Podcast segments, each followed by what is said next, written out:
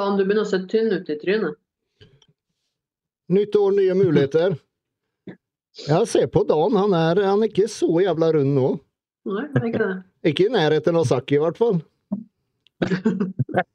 Zack, du ser ut som en, litt som en hamster, ikke sant? Og de bollekinnene. er det, med håret eller? Jeg sparer ut til långt hår, ja. Det er sånn jeg sender check-in til Roger. Det er bare ansiktet. Ja. Ja, ja, ikke. Veldig god målepinn. Mm. Ja, hva er vekta nå, Dan? Jeg var 108,5 nå tidligere i uka, så skal jeg sjekke en ny i morgen. Ja. Og Zack, du er over 110 nå, eller? Nei, 108,5. Ja, da, da møtes dere. Ja. Ja. Men det, ser, men det ser vel nesten ut som Zack fortsatt er i bedre form enn deg, Dan? Det tror jeg òg. Nei, det tror jeg ikke. Zack, du får det jo bare i ansiktet. Ellers så er du jo i bra form. Min, min, min underkropp er faktisk hårdare enn min overkropp også. Mm. Ja. Så jeg vet ikke. Men snart så. Skal jeg, opp, jag ska upp 115 så da er det vel Michelin överallt. Ja, det er gjerne trynet som tar mest væske. Altså. Ja. Man kan gjerne være bra form på kroppen selv om man er gedigent hode. Når man spiser mye carbs. Eksakt. Alle hatt en eh, fin jul og nyttår? Ja. Ja. Ble det noen god svensk julemat, Zack? Men vi hadde det til lunsj, hadde vi. Ja, da fikk du, da fikk du noe som var godt, i hvert fall. Ja, exakt. Nej, men det var bra. Ja, det er Men det är liksom, eh, ja.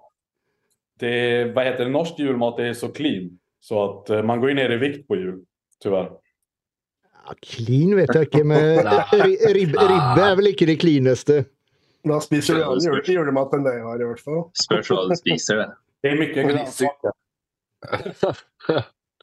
Medisterkaker og pølser og De, jag äter inte de där, de pölserna äter jag faktiskt inte. Nei, det, det, det gjør du rett i. Fy faen. Ja, de var gode. Jag kör bara kakorna. lik, liker du det, Roger? Sånne tradisjonelle ministerpølser, ja. Ja, du liker det? Ja, ja. Å, fy faen.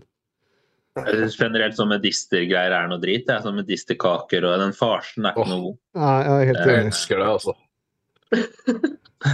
Du, du, spiste vel, du spiste vel Grandis på julaften, Dan? Nei, jeg spiste kalkun. Ja, ja det, det, det er det beste. Det var det ene frimåltidet jeg fikk. Så ble det kalkun. Ja. Jeg hadde et sånt eh, stort spisemåltid eh, en gang, husker jeg. Da, eh, jeg spiste nesten en kilo med rakfisk. Og så drakk jeg opp nesten en liter med, med sprit. jeg vet ikke om det var så veldig bra spisemåltid, men så var, var formen dagen etter der. nei, jeg bruker ikke å bli fyllesyk, så det gikk greit, det. Men rakfisk Fyll, eh, fyldig og tørr som faen, da, sikkert. Ah, Men, rak, ja, det, så, så fall så var det spriten, ikke rakfisk. men ikke, rakfisk er vel noe lignende svensk eh, surstrømming, er det ikke det? Det er hakket bedre, tror jeg. Det lukter ingenting av rakfisken. Nei, OK. Nei, surstrømming lukter noe helt jævlig og smaker helt jævlig. Ja. Det är bara att fråga amerikanerna när de var i Sverige. Ja. ja, fy faen, det er vondt, ass. Uff. Um, Zack, du posta en ting i gruppen i stad. Du har også postet på Instagrammen din angående Ja. Ja, det, var, det har blitt noen forandringer angående qualifier, sånn pro qualifier. Fortell Ja. litt om det. Jo, men först var det så kul för alla i Sverige förväntar sig väl att det skulle bli eh, regionalkrav för svenskar. Men det kom ut väldigt sent. Till en början stod det att svenskar inte hade några regionalkrav heller. Sen så kom det ut att de hade det. Men att alla nordiska och skandinaviska länder kunde göra en regional i varsitt land och få sitt eh, certifikat därifrån. Så att svenska, svenskar kunde köra regional i Norge, Danmark, Finland och likaså för alla länder. Sen nu idag så jag gick in och kollade. Gym 621 kom ut med den nyheten. Och då direkt efter gick jag in på hemsidan och dubbelkollade. Och då är det nämligen så att svenskar måste tävla i Sverige för att få sitt regionalt certifikat. Medan eh, de från Norge, Danmark och Finland kan tävla i vardera land på en regional, men inte i Sverige. Just. Så att eh, det förstörde väl många planer för folk, vad jag förstått det som. Även för svenskar som hade tänkt att planera, eller planerat att tävla i Danmark eller Norge, för det låg bättre till. Så att det är märkligt. Men så såg jag, jag såg eh, Henrik Lind, nej, eh, var det Gym 621 hade kommenterat igen att Det var det når jeg sendte screenshotet Ja, ja, ja, ja ikke sant? chatten. At, at eh, eksempel nordmenn da ikke trenger å Om det ikke er noen eh, pro-qualifier før det, den konkurransen i Sverige, ikke sant, så kan dere gå rett til pro-qualifier? Så, så. Så, har det, så har det alltid vært. Så det, for jeg har pratet med mange om Tyskland og sånn, og de har alltid hatt problem med det også. Om en pro qualifier, Si om, du, om ni i Norge har er første regional i juni. Da Ja. kan du tävla på en pro qualifier fram til juni. Sen när din regional i ditt land har gått av, då måste du köra den för att få tävla på en pro qualifier. Mm. Mm. Men man kan Men ikke være med på regional i andre land? Kun pro qualifier? Nei. Okay. Så, så i Sverige, da, siden det er regional på lørdag og pro qualifier på søndag, så kan da fortsatt ikke norske være med på regional på lørdag, men de kan gå rett til pro qualifieren på søndag? jo, de kan være med på regionalen også, men det gir dem ingen okay. certifikat. Gör det inte. Og sånn, ja. Okay, OK. ok. De, de kan Ja. fortfarande tävla på den, men de får ingen certifikat för det vad jag har förstått det som. Mm. Det blir lettere for svenskene, da. Ja. Men goden er jo i hvert fall at de har åpna opp for at vi kan dra til Finland og Danmark og sånn. ja. ja. Selvfølgelig burde Sverige er jo nærmest, så det er jo liksom rart. Jeg, jeg, jeg skal ikke si det hva jeg tror det er, men uh, dere i gruppa vet Ja. Jeg hva det er snakk om. Mm. Men uh, goden er jo da hvert fall at da har vi i hvert fall uh, flere land å dra til og, og ta den regionals. Og så flytter jo Two Bros det norske stevnet til august-september. Mm. De skulle jo først ha det i juni, sånn som vi snakka om, og de skal flytte det. Å ja, det, det er sikkert, eller? Det vet jeg at, liksom? Ja, eller jeg hadde skrevet og spurt dem, som sendte meg screenshot, at de hadde sagt at den er flytta. Den skal flyttes til august-september, men eh, datoen er ikke De har ikke landa på datoen. tror jeg. Ja. Ja. Ja, Ja, ja, det bør de gjøre, altså, for juni er jo helt høl i ja, huet. går Jeg tror, jeg tror ikke det hadde møtt opp så mye folk i juni i Norge. Altså. Det, det er helt det er er ingenmannsland, på en måte. Ja. Det er for lenge etter de andre i Sverige, og det er for tidlig for at noen Ja. Men det er jo sikkert det de har skjønt, for de vil jo tjene penger. De vil jo ikke ha et stevne med bare to stykk. Så de burde jo forholde seg til I Norge er det liksom to sesonger, Mm, og da legger det opp mot det. mm. Men eh, ja, jeg har allerede sjekka ut. I Danmark er det en regional 7.9, så kan jeg ta den. Og så kan jeg komme til Sverige. Ikke sant. Det ligger bra nå. Ja. Ja. Og du, Asak, har du bestemt deg om det blir noen eh, konkurranse i år eller ikke? Eller proff, proffdebut? jag, ans- jag ansökte till mitt proffslisens i dag, så jeg skrev til IPV Pro League på mail og ansøkte for för det. For da får man ju en sånn her liten lapp som det står står license på. Hey. Den kuleste lappen i verden. Ja. så jeg ansøkte om den ifall vi skal tävla i år. For Stefan og jeg bestemmer oss i mars om vi tävlar eller Ja. inte. Mm. Så jag vet inte just nu. Han sa vi ser, vi ser om två, tre månader. eh, Skrev han. Så runt eh, mars där så ska vi bestämma. Mm. Den- det. Den proffslicensen, den, den måste man betala för varje år, eller Ja, hur funkar du det? betalar för den varje år. Men eh, när du betalar för den så betalar du ju inte för att tävla. Så du betalar aldrig för att, på tävlingar. Du har ingen tävlingsavgift. Ah. Er det også, er det også noen, eh, noen tevlinger at, at eh, på en måte promotoren betaler hotell, reise og sånt for atletene? Ja, det fins. Och det, det vet jag att de gör för toppatleterna på många proffstävlingar också. Mm. Jag känner, Mm. Urs, har ju, Urs får ju all, alltid betalt nästan när han åker. ja, ikke sant. Det er vel Ja. ikke mange som får det, tror jeg. Nej. Det är, det är ju bara... Är det Olymp, Olympia gjorde ju det förr. Jag vet inte om de gör det nu när de har så jäkla många tävlanden. När det är 60 pers om alla får. Nei, de, de gjør det ikke. Nej, de gör inte det. Ja, Jeg det, på ett program om det. ja. Ja. Men, men altså, de mindre konkurransene sånn eh, rundt omkring, de gjør jo det. ja. I Tyskland og ja, rundt omkring. Så det var jo sånn før, i hvert fall. Ja. Men det vet jag där med Urs i alla fall. Han får ju betalt för hotell og sånt. Det er bra trekkplaster, da. Å få eh, bra folk med på stevnene. At de får Ja, bo gratis og mm. ja. Det kan bli jævla dyrt, da. Jeg tenker på Før når jeg var med, så var jo liksom bare uh, byggeproffene. Nå er det så jævla mange Ja. klasser, da. ja. Mm. Det blir fort dyrt. Ja. Men jeg tenker typ så här, får man en Urs og en Samson som Prag hadde, jeg kan bare tenke meg mig hur många fler livestreams de får just på grund av det. Som Oh, gör yes. att de går ut på det Mm. Uten tvil. Eh, ba- bare for å rede ut det vi snakka om i stad, fikk et spørsmål her. Eh, så man må stille i Finland eller Danmark for å få lov å stille i Sverige på søndagen? Om det ikke er noe i Norge før den tid? Altså nå, Altså, i, vi, altså nå altså, i april? hvis, det, hvis det ikke er noe i Norge, så slipper man jo unna den regelen. Ja. Ja. Så, så de som går i april, de er jo bankers uansett. De kan jo gjøre hva de vil. De kan bare gå på, direkte på pro qualifying? Mens med en gang det har vært en regionals i Norge, så må vi ta regionals i en av de landene. Ja. Yeah. Okay. Sånn som vi har forstått det, i hvert fall. ja, det er så jeg har forstått det også. Men, Ja. men man kan fortsatt være med på regional, bare at det teller ikke, på en måte. da. Ja, Ja. Det visste jeg ikke. Ja. Da er det liksom bare et show som du er med på, og det er jo kult, det. det er bare Ja, ja. at, Mm. ja. Mm. For hvis man først skal til Sverige i april, så kjedelig å Eller Ja, da- om man har da- muligheten til begge to, liksom. Så ja. Man tar jo begge hvis man har muligheten, liksom. mm. Regner med at folk har lyst til.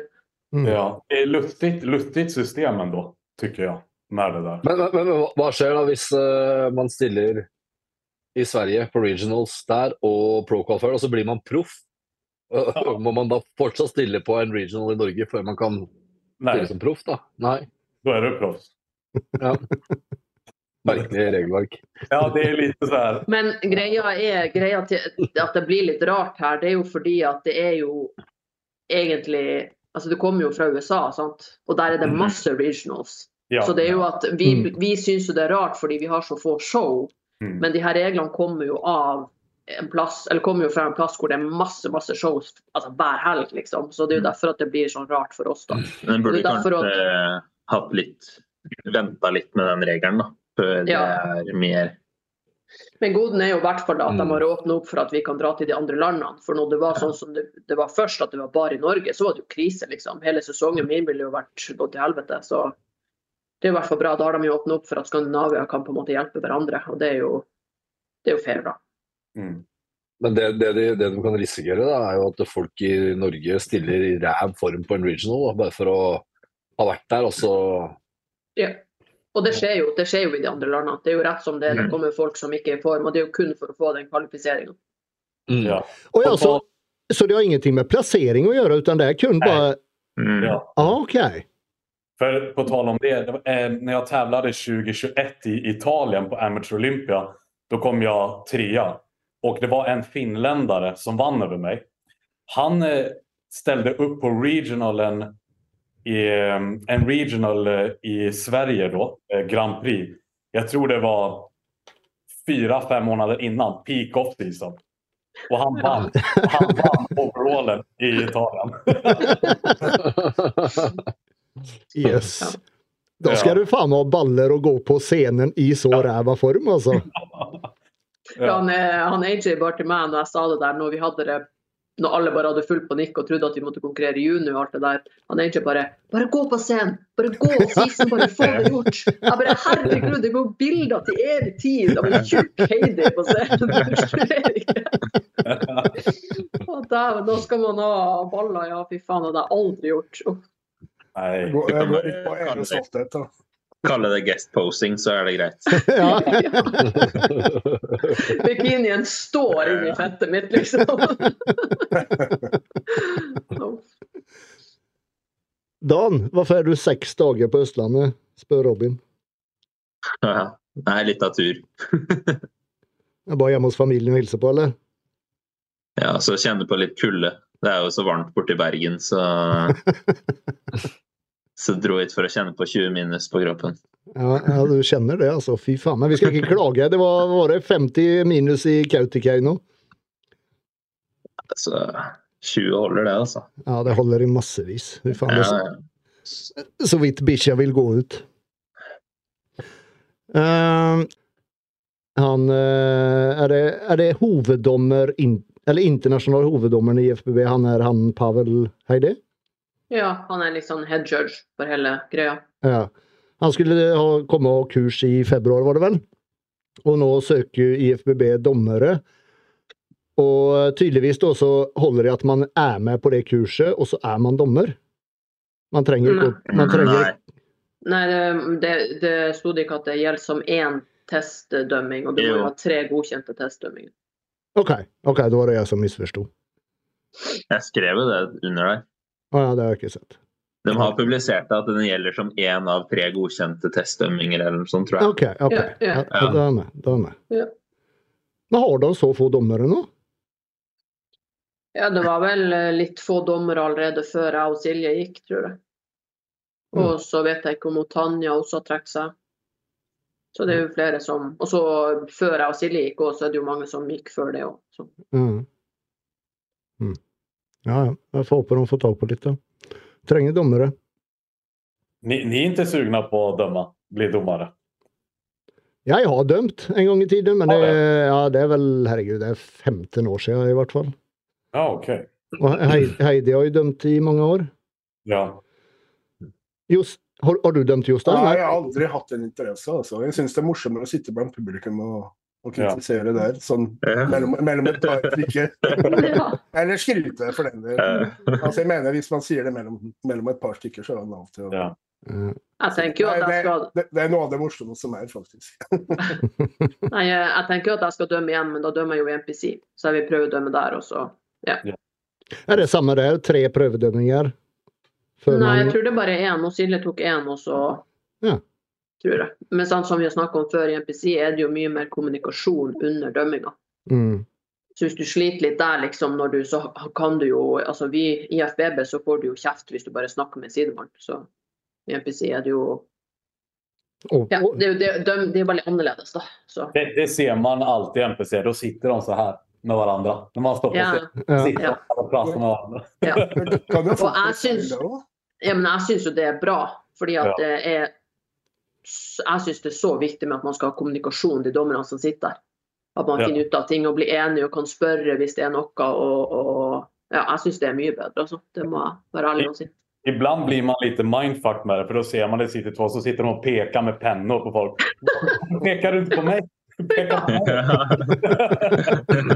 Bare ikke bli så alle hører på én person, da. Alle dem er likt.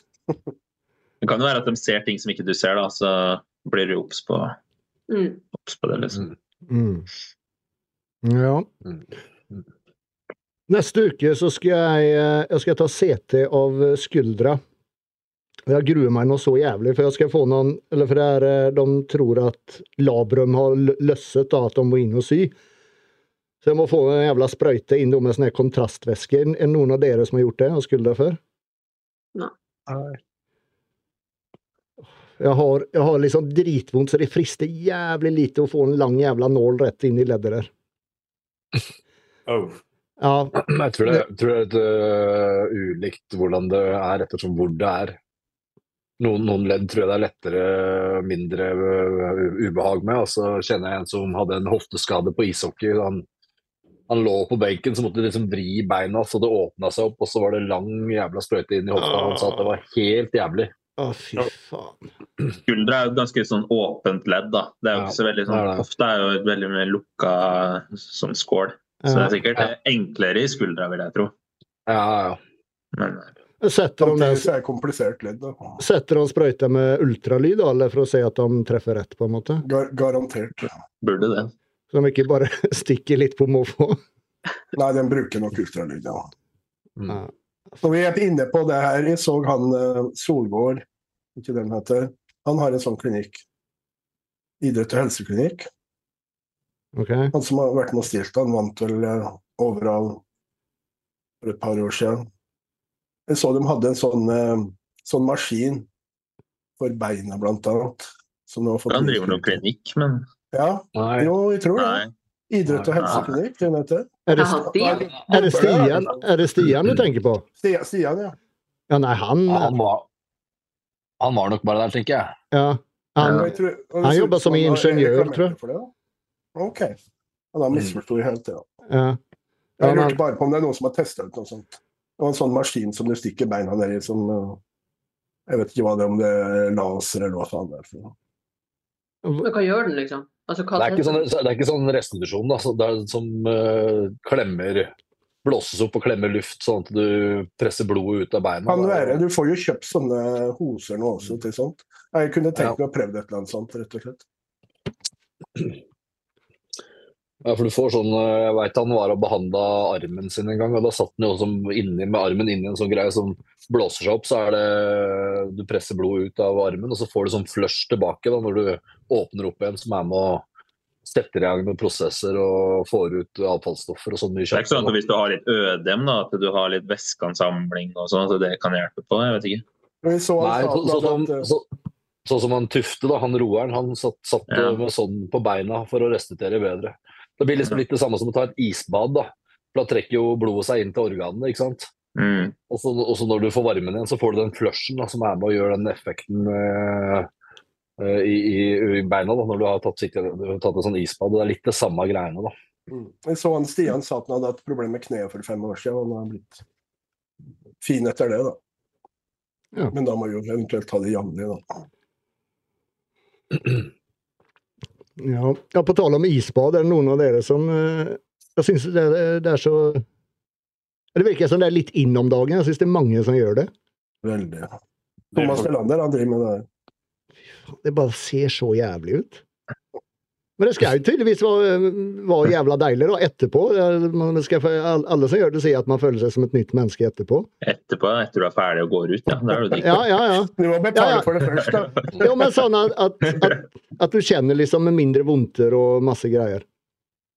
Men sånn som det, det sies at helseeffekter av det er bra, da. ikke sant? Mm. Og så er det, hvis du tar eh, som idrettsutøver tar et isbad, eh, så, så kan det jo være bra. ikke sant? For du skal restituere, og du skal Sånn som eh, amerikansk fotball eller hockey, eller sånn, så skal du eh, Ting går så i, slag, da, så det er om å gjøre å bli frisk så fort som mulig. Mens når du har trent bein, hvis du setter deg et isbad, så vil du jo dempe den inflammasjonen du vil ha for å uh, sette i gang muskelvekst. ikke sant? Så, Mm. så der har du jo Ja. Ja, altså der har du jo motsatt effekt, da. Mm. Ja. Det har jeg også hørt. Men de bruker vel også varme og kulde, og så isbad, og så bruker de varme, og så bruker de kulde igjen, og noen i hvert fall, vet jeg. Mm. Ja, sånn som i idrett, så er det jo i USA så sitter de jo i det støvet sånne små isbad, og jeg vet, kjenner jo en som spilte profesjonelt hockey i Tsjekkia, og der har de sånn, i, sånn kuldekammer du går inn i. Så Da står du inne, og så får du da, Du vet ikke om du har sett sånn som det er i Jeg tror det er i Oslo, jeg husker ikke hva det heter, sånn kryo et eller annet, som du Ja. står ja, men det her, her er det liksom sånn at du går inn som en badstue, og så er det kuldekammer, så har du maske på deg så du, for å puste og sånn. da. Så det er liksom hakket mer avansert. Vet du hvilken temperatur den bruker? Nei. Aner ikke. Ja. Eh, ellers, noe annet morsomt som skjer? Vi er ikke en morsom gjeng. Det er ingen som gjør noe morsomt. tydeligvis ikke. Det, er nu. Det är inga tävlingar eller så. Nei, det er liksom eh, Det er dødt på den fronten nå. Ja. Det er, eh, fram til mars. mm. Just det, Arnold Classic eh, lineup kom ut etter vår seneste podd va? Ja. Mm. Eh, Ja, Jeg stemmer. gleder meg til å se ha det live. Jeg får se ha det live. Ja. Ja, hvilke, er det, hvilke, er det som kommer til UK? Det er typ alle som i, i Amerika foruten Horse MD og um, han eh, nykomlingen, han som vann proffskort på förra Arnold Classic. Han har ju tydligen hoppat ut. Sen är det minus Horse MD och en till. Vem är den eh, tredje som inte är med i UK? I Eh, hvert fall, her er UK. Eh, han James Hollingshed, Samson, eh, Akeem Williams, han er Valiant, eller hva han heter, Ja, og han er Andrew Jacked, og han har Rubuel, okay. Hadi, De La Rosa og en som jeg ikke vet hvem er, Shaban Elimbabi. Ja, da er det typ av Horse MD som ikke er med i UK. Ja. Jeg gleder meg faktisk sjukt til å se han James Hollingshed, fordi det er lenge siden han har eh, konkurrert. Mm. ja, og han, han ser jævlig bra ut nå i forhold til Mm, Jeg synes han- Han har forbedret seg noe jævlig. Ja, Ekstra protein som Milo ser han. Mer protein. Yes. Ja. Han sier mer òg, han. Det blir gøy, det blir gøy å se han eh, Rubiel også, sammen med Ja, litt større Ja. navn også. Ja. det jag skulle bli kult. Och Det var jo med ganske bra folk i Jeg husker ikke hvilket show det var, men da var det vel eh, Chris og, og, Og Samson. Samson, ja. Ja. Han var jo i call-outs med de, og det Ja. gjorde seg ikke bort. Han slog jo Nathan med ett poeng. Mm. Mm. Han, han, eh, Nathan var jo bedre i finals enn han var prejudging, men Rubiel förlorade i prejudging og vann over Nathan i finals. Gjorde han. Ja, spennende. Men jag såg Rafael Brandal. Han är inte med i UK. Han är med i USA dock. Det blir spennende å se han igjen også. Ja, det är min favoritfysik. Ja, takk, det samme. Skal akkurat Altså, si det. det. ja. er Roger, ja, Roger, du har sagt alt det. Ja, det Han, er, han får, på, får på seg noen eh, gode kilo til fra sist han stilte, så blir han farlig også. Oh ja, riktigt Mm. Jævlig fine linjer og fin estetikk. det er Heidi, hva koster billetter der borte? da? Eh, ettersom, kanskje? ja, det er jo hva du velger, men jeg og Silje kjøpte nå for noen uker siden, så vi betalte vel 3000, kanskje? Mm. Tror jeg. Noe sånt. ja. Sitter dere langt fram da, eller? Eh, det var allerede masse som var tatt. Ja. Så, men vi, vi sitter så langt frem som vi kunne, liksom. Jeg husker ikke helt nå, men det var liksom relativt greie plasser. For vi ble enige om at når vi først drar, så skal vi ikke se det på skjermene. liksom. Nå skal vi Mm. se Ja, Så ja, vi tok så nært vi kunne ut av det som var tatt, da. Vi, fant, vi er jo seks stykker som reiser sammen, så vi fant heldigvis Akkurat var det en sånn plass hvor det var seks stykker på rad. Ja. Mm. ja, det er Så det var jævlig bra. ja. Ja. Det er ikke noen 212 i, um, i Arnold Classic, va? Nei, Det er det ikke. Det var ju en, hvilken vilken, eh, Heidi, har du koll på hvilken, vilka tjejklasser som var med? og hvilke som ikke var med? For de skulle jo ta bort en tjejklass også, fra forrige året.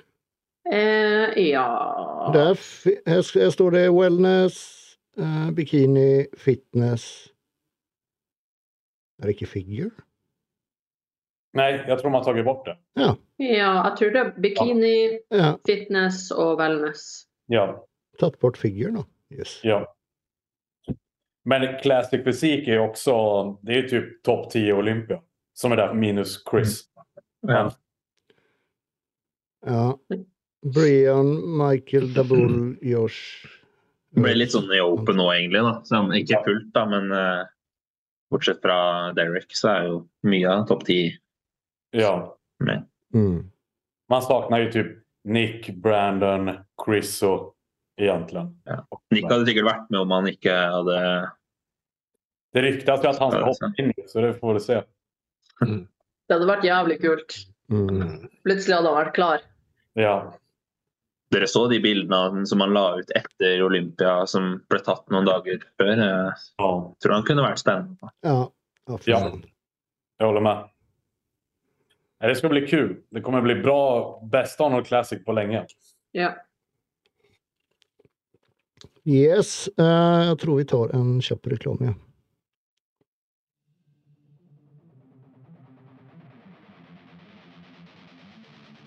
Denne episoden er sponset av The Shock Factor, som uten konkurranse lager Norges råeste tøy for alle oss gymrotter. Med kule design, perfekt passform og deilig stoff er det veldig vanskelig å ikke digge Shock Factor sine kolleksjoner. I tillegg er det knallgod kvalitet til meget konkurransedyktige priser. Om du er ute etter oversized og pump covers, da er old school eller graphic-kolleksjonene noe for deg, med mengder av kule design å velge mellom. For deg som vil ha noe lett og behagelig treningstøy, så er performance-kolleksjonen et selvsagt valg. Så ta turen innom shockfactor.com og bestill dine favoritter. Husk å bruke kode GYMBROS når du sjekker ut, så får du 10% avslag på prisen.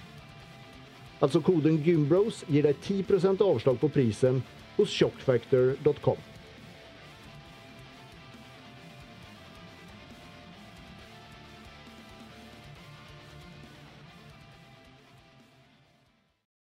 klart meg fint med hotell. Jeg er ikke noe Mm. Jeg tvinger dem. Hvis jeg til og med ikke har kjøleskap på rommet, jeg tvinger de der folkene til å bare ha, det, ha maten min. Ja. Ordner seg alltid. Men. Ja, ja, det ordner seg. Jag minns när jag, när jag tävlade i Danmark 2021 på Amateur Olympia där. Då gick jag faktiskt ner i köket på hotellet och använde mikron i alla fall. Ja, Mm. Ja. Mm. Mm. man får til. Også man må betale dem litt. Så bare, Altså, altså, bare kjøp med kjølebag, da, så kan du bruke sånn Ja. uh, som det- du kan plugge i stikkontakt. Mm. Ja, det er jo det. Men når man, i- egentligen, så till exempel som mig som har mest cream of rice, så är det ju ganska, ganska simpelt. Man bara har vattenkokare. Mm. Eller. Mm. Mm. Man kan ju be om att få en vattenkokare eller bara ta med sig en vattenkokare. Ja, kan man göra mycket. Jeg hadde jo med airfryer i fjor til uh, Los Angeles i kofferten. okej. ja. det är bra. Jeg husker gjesteposerte på nordisk, og da hadde jag med en sånn eh, grill. Ja, just det. Tommy kjøpte inn uh, kylling. Og den ble ikke ordentlig stekt, så jeg fikk jo salmonella etterpå. Så jeg gikk, gikk ikke opp så mange kilo etterpå. Jeg hadde faen meg over 40 i feber. og Oh. Annars eh, i verste fall får jeg komme med food delivery. på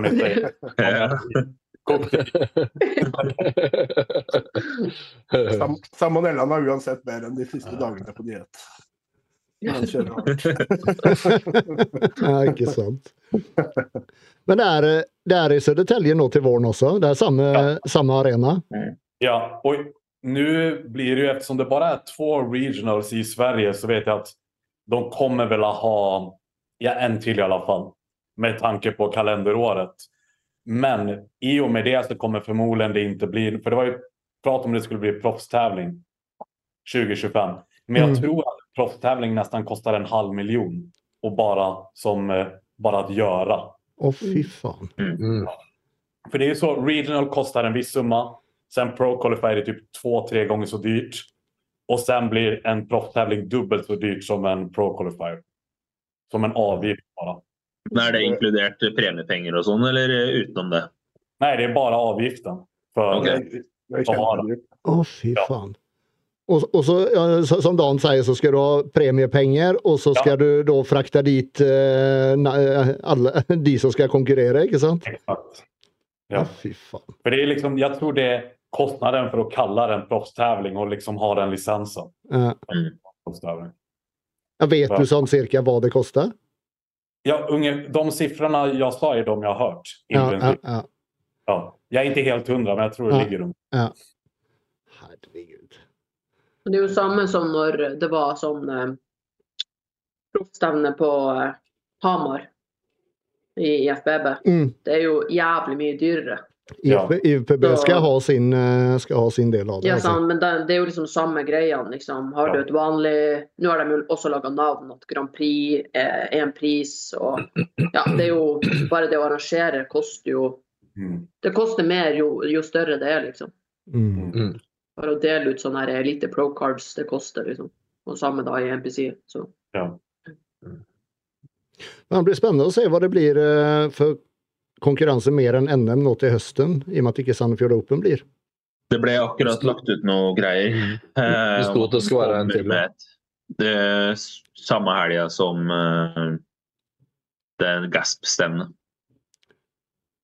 Ja, det står at det skal være noe, men det står ikke hva, hva det skal være. Det er ikke hva, nei. Nei, nei, Nei, nei, det er det jeg mener. Det, det Så det spennende. kommer et, ja. Men Ja. Uh, dem som vil arrangere det og sånn, det vet man jo ikke, da. Ja. Så da har man GASP, SM og den alle samme helg.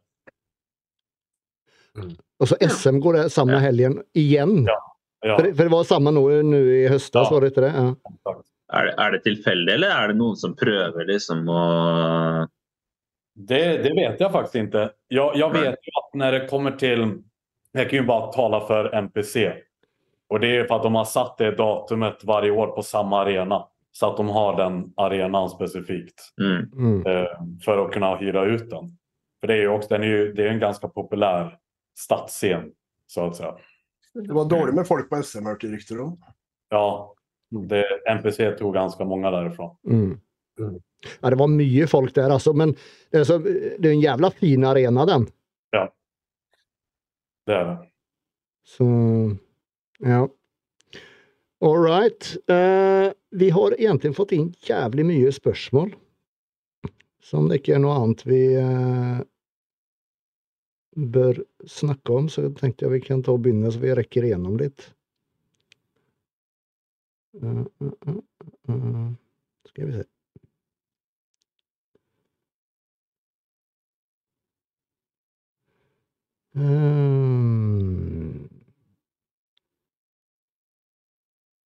Hvordan bytte fra IFBB til NPC? Ja, det er jo veldig enkelt. Det er bare å Ja. det, det Jeg tror, ikke jeg, noe. jeg tror vi har svart på det tidligere, har vi det? Ja, det bare, du burde jo eh, sende mail og, og til IFBB at du trekker deg, så du ikke får sånn her avtalegiro. Og så i NPC er det jo veldig enkelt, for du betaler jo bare en som medlemsavgift. NPC Worldwide. That's it. Og, det, og det betalar man, den koster jo typ bare 50 euro någonting om man betalar i god tid. Ja. Och, eh, det som er bra med NPC er at du tävlar ju for deg selv, og ikke noe land. Så du behöver ikke ha någon, vara med i någon förening eller något sånt där. Du er din egen person. Og det er veldig skönt tycker jag. For Mm. IFBB er det jo masse styr, men du må ha klubb, og du må melde deg inn i en klubb og alt det der. Og det er ingen av de tingene trenger jo NPC. Det er bare å eh, bestille det der NPC Worldwide-medlemskapet på 50 euro, eller hva det er for noe. Ja. Og, og det bestiller man på npc.com eller noe sånt? der? NPC Worldwide går man inn og kjøper den på. NPC Worldwide. Ja. All right.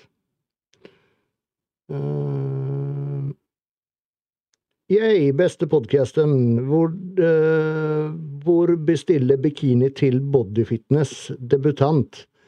Uh, og hva er viktig når man skal lete Når man skal da ha en bikini? Hva er viktig å se etter, tolker jeg det som? Heidi? Um, altså, det er jo masse plasser å bestille fra, men jeg skal i hvert fall neste gang bestille fra Bling by J. Hun er svensk. Uh, hun lager veldig fine body fitness og figure bikinier. De er liksom riktig form og sånn. Riktig snitt. Um, og så er det ikke så langt unna for meg. da. Jeg kan jo til og med kjøre til hun tar vel seks timer. Så det hadde òg vært litt greit. At uh, hun kan se fysikken min. Men jeg vet ikke hvor denne personen bor, da. Men jeg vil anbefale henne. Og så Altså Man må jo tenke på ting som altså bare farger og sånn. Hva kler deg? For selv om vi er tæna og sånn, så har vi jo en hudtone. Fargen på håret, øynene, hva som passer. Og snittet på bikinien. Det er jo veldig mange som f.eks. at trusene er for lave i sidene, de skulle hatt mer stoff, som skulle vært høyere opp. Eksempel jeg som har lang mage, jeg vet at jeg bestiller truser mye med mer stoff i front enn mange andre. Um, altså det bare Ikke minst det med størrelse, da. Det kan være vanskelig når man er debutant. Ja, og at man er off-season, liksom. Så man, Mm. Mm. Det kan være vanskelig med størrelse, fordi la oss si du skal gå ned 15 kilo. Sant? Så man må liksom bestille. Men det er derfor jeg føler litt trygghet i meg hos svenske. Fordi man vil på en måte bestille bikini så sent som mulig for Mm. at den skal passe. Og da er i hvert fall hun i Sverige, så det er nært. Sånn som Ja. sist når jeg bestilte fra USA, jeg hadde jo ikke den bikinien jeg skulle ha egentlig. Alt gikk ut i helvete, så jeg måtte ta en sånn reservebikini. Jeg syns Eh. alltid det er noen som opplever det, at bikini ikke kommer i tide. og Ja, så det føler jeg litt trygghet med, da, at Blingberg J er faktisk i Sverige. Det er ikke veldig langt. Nei. Um, så, men det jeg ser mest, det er liksom at snittet på bikiniene passer ikke utøveren. Mm. Og det er derfor også når man kjøper brukt bikini, så må man prøve det. Fordi du vet ikke om toppen er stor eller liten. Um, sånn som på min topp når jeg konkurrerte, den skulle vært høyere opp. Um, Hvordan skal jeg forklare det? Altså høyere i Skjønner folk som ikke ser hva jeg gjør med fingrene? Høyere i toppen, liksom. Eh, men i hvert fall, eh, så hvis du skal kjøpe den brukt, så er den jo egentlig ikke sydd til deg. Så da er det jo viktig at du må prøve den, og da må du òg kanskje prøve den når du er ganske nært konk. Så da Mm. er kanskje litt risky business igjen hvis den ikke passer. Så det, men de syerskene, hvis du bestiller ny, de vet jo i hvert fall hva de skal spørre om. Det var det jeg tenkte säga også. Bling by J kan du bare bara fråga också. För hon har gjort till väldigt många. Jag köpte mina Mm. trunks av eh, henne også. Jag Mm. tror jeg bestilte to og en halv uke innan jeg konkurrerte. Jeg fikk Mm. fick dem en, typ fem dagar efter det hade beställt. Ja. Mm. Mm. Sånn som jeg for min del, jeg vet jo veldig nøyaktig hvordan bikinien skal være. Og sånn som sist når den var litt feil, så jeg kommer til å reise til henne så hun faktisk får se meg når jeg er i ganske god form. Mm. Og ta ordentlige mål, sånn som vi gjorde her i Norge før på Osefa. Da dro du en plass og fikk tatt mål av fysikken din Mm. der og da. Mm. Men uh, Ja, Det må jo alltid være det beste å faktiskt ja. la den som syr Ja. måle og, och, och liksom se på deg, så at du kan teste. Men jeg vil alltid, jeg anbefaler alltid at f.eks. så har man jo i alle klassene så har man jo trusa veldig høyt opp i sidene, som skikkelig 80-tallet. Og jeg anbefaler alltid å heller ha mer for mye stoff i sidene enn for lite. For har du for mye, så kan du bare klippe den opp og sy den sammen igjen. Enn motsatt, at den er for lav, og den er liksom for lavt ned på Mm. magen din på sidene, for da får du ikke frem X-shapen. sant? Og Spesielt Så- som du sier, Heidi, med hvis man har lang midje f.eks. Jeg hadde litt for brei og kanskje litt lang midje også, så jeg også hadde ganske høy bukse. Mm. For å få, jo- få litt illusjon. Ja, jeg vet jo at jeg har superlang rygg og mage, så jeg hadde jo 11 sankt mer stoff foran på trusa enn venninna mi, liksom. Mm. Så Ja. Ikke sant. Sen vet jo du også har snakket om att kuppen ikke skal være for stor eller dekke for mye. ja, i hvert fall i bodyfitness og figure, for mange har jo sånne cuper. Og det passer på mange, det er greit. Men du vil jo vise masse lets under armen. Mm. Så hvis du har store cuper som kommer opp på sidene, så ser du ikke letsen godt nok. Mm. Mm. Så det er viktig liksom å skjønne, og det er derfor, i hvert fall i MPC i figure, så er det 1% som har cup. Alle har trekant. Og det er fordi den X-shapen vises mye bedre. Fordi den letsen og alt vises ordentlig på sidene. Ja, det er ikke noen noe sånn stor BH-cup som kommer ut på sidene og dekker letsen. Mm. Du ser noen som blir for store også, sånn Altså koppene blir for store, så du ser dem, de har gått ned mye mer enn de tror, kanskje. Du ser nesten at de ga- gaper litt når du ser dem fra sida. Og... Mm, det skjer òg. Mange ganger har jeg sett liksom nipler i sidepose og sånn fordi cupen blir for stor. Ehm. Eh, Flere har gått gang med prepp til vårens konkurrenser og andre forbereder seg til høsten. Kan Gymbrosa ta en runde på hvilken sesong de foretrekker å preppe til, eventuelt hvorfor de velger prepp på sommer eller vinter?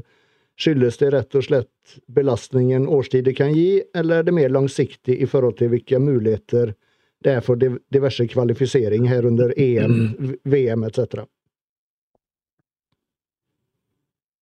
Min, min preferanse er Jeg har egentlig ikke noe spesiell preferanse. Jeg setter meg en målsetning, og så er det liksom når konkurransen er på året. Det er det som avgjør når jeg har kjørt uh, prep. Det er liksom Om det er sommer eller jul uh, gjennom jula, liksom, det er det samme, egentlig, for min del. Mm. Hvilke show man har lyst til å gjøre. Ja, det er jo det. Høsten, i hvert fall, for min del. Ja, samme her. Ja, samme. på også diet. sommeren. Ja. Mm. Jeg har vært borti liksom vært på, på diett i påske og sånt. Eh, Jeg husker jeg fortalte vel Andreas vi var på den påsketuren. Jeg gikk eh, noen, noen mil på, på ski ja, stemmer det. og, eh, og hadde med Så fikk jeg skikkelig blodsukkerfall, så hadde jeg med noe torsk og ris som var frossent. Da følte jeg meg ikke særlig smart. Altså. Herregud. Jeg føler òg for min del jeg liksom, Nå kjørte jeg jo prep sist eh, på våren. Og da kjente jeg at eh, høsten er mer det jeg liker. Det er Mm. liksom varmt og Det er, enkl kardioen Ja, det er liksom det på sommeren? ja, liksom bare det å gjøre cardio ute og Ja. grille maten din hvis du vil og Jeg føler Ja. ikke man blir så jævla sulten på sommeren heller. Nei, jeg er Ja, fall så Sier du det? For, for meg så er det sånn jeg, om det er varmt eller ikke, har ikke noe å si på matlysten min. Jeg har like stor matlyst uansett. Da. Så for meg så er det sånn, hvis jeg gjør det på vinteren, så er det litt kjipt fordi det er liksom du, du går glipp av visse ting som uh, hører med jul og de tingene her. Og er det på sommeren, så går du glipp av andre ting som er kult på sommeren. Som sitter Mm. ute på verandaen og drikker en pils uh, når det er varmt. Liksom. Det er jo kjempedigg. Også. uh, og grillmat er jo kjempegodt. er, jo- du kan jo gjøre dietmat godt med å grille, men da frister det jo bare å kline på med potetsalat og godsaker i tillegg. Så, så for meg så er det sånn det, er- det er målet som avgjør, og så er det fordeler og ulemper med begge deler, tenker jeg. Ja. Du må forsake ting uansett. Jeg må det, eller en må. Når du har på høsten, så har du mulighet til å få vise frem at du er litt god form òg. Det kan være morsomt, det. Når man først er på diett. för, för mig är det i alla fall eh, hösten och då och först var det ju främst för att jag gjorde min första tävling på hösten och så har det alltid blivit att man vill ha en off-season. Tänker man att jag tävlar om cirka ett år igen så det alltid fallit inom samma månader. Men sen så tycker jag också att på sommaren det är lättare att ta steg ute, lättare att ta sig till gymmet, inte lika omständigt. Särskilt när man bor i Skandinavien när det är minus 22 och sånt där. Det är lika roligt att gå ut och gå då i snö och så vidare. Men sen ur ett perspektiv ur NPC, om du kollar på tävlingskalendern, särskilt i år, så ligger det mycket fler pro qualifiers tätt på høsten enn hva det gjør på våren. Mye Mm. Mm. Så er en ting ikke minst. altså På slutten så begynner man å fryse ganske mye. Da kan det være ålreit på at det er litt god temperatur, faktisk. Ja. ja, for min del nå at det blir høsten, det er jo fordi jeg visste tidlig hvilke show jeg ville ta, og de er på høsten, og at jeg trenger den tida å bygge. Nå vet jeg jo ikke engang om jeg rekker høsten. Må jo først, nå har jeg vært så jævlig dårlig i to måneder og to uker at eh, ja. Men eh, det har jo ofte bare noe å si med den framgangen man har hatt. Det er ikke alltid at det bare er sånn ja, vår høst. Liksom. OK, nå har jeg bygd nok til at nå kan jeg starte på diett. Liksom. Mm. Men for, for de i, som vill tävla i NPC nu i år, till hösten tror jag du har 10 till 12 pro qualifiers på loppet av åtta veckor. Mm. Ja. Fy faen. Ja. Så det finns Jeg tror aldri Ja. Nei, jeg tror, jeg tror aldri jeg har stilt med bare et år imellom konkurransene. Jeg tror liksom det minste jeg har hatt, eh, er ett og et halvt år. Ja. Så jeg får liksom et, et, et fullt år eh, offseason. da. jeg jag har aldri hatt det. Min, min lengste off-season har vært fem eller seks månader generellt. Ja. Ja. Jeg har gjort det samme som deg, Roger, rett og slett for at jeg ville putte på mer vekt. altså Jeg ville liksom ikke stille samme form. Mm. Mm. Ja, Heidi, du har, vært, du har vært dårlig en stund nå. Ja, fy faen. Åssen eh, for, Forklar hvordan du har det. Nei, altså, det er sikkert kjedelig å høre på. Men det er jo bare at utmattelsen min eksploderer. Så hvis jeg til vanlig hadde trent med 100 kg, så har jeg nå klart å trene med 10 kg. Det er så ille, altså. Ja. Er det typisk årstida, i det, eller? Jeg tror at årstida påvirker mye. Fordi Jeg jeg føler at alt i denne perioden er helt jævlig. Så neste år har jeg lyst til å prøve å være i utlandet fra i hvert fall desember, januar, februar. Men det har begynt å løsne litt nå, og så har vi tatt masse prøver på privatklinikk som skal sendes til Danmark. Og ja, masse, masse greier som koster flesk. Men eh, jeg tror det er liksom vanskelig å forklare, for jeg ser sånn her ut uansett. Og så går jeg jo på trening og prøver jo å gjøre noe, for det er viktig at jeg har rutiner. Jeg må stå opp til samme tid og har samme greiene. Men eh, altså det er sånn jeg syr etter én rep, og hvis jeg trener ja, f.eks. bulgarsk utfall, kjører jeg egentlig 60 kg i bulgarsk utfall. Og nå har jeg klart å kjøre med to sånne små cookies på sidene jeg kaller for det er to toere. Det er to toere på hver side, og jeg bare! Og på døde, liksom. Så det er jo sånn to måneder og to uker som har gått rett i helvete, hvor jeg bare har mosjonert. Mm. Og det er liksom, det er veldig lenge siden. Jeg har jo sånne utmattelsesperioder, men jeg pleier å være to uker, kanskje. Men nå har det vært sjukt lenge. Mm. Men Men, eh, Hur, hur du med treningen da, i de her periodene? Trener du mindre? Legger du om helt eller bare forsøker du å kjøre på som vanlig?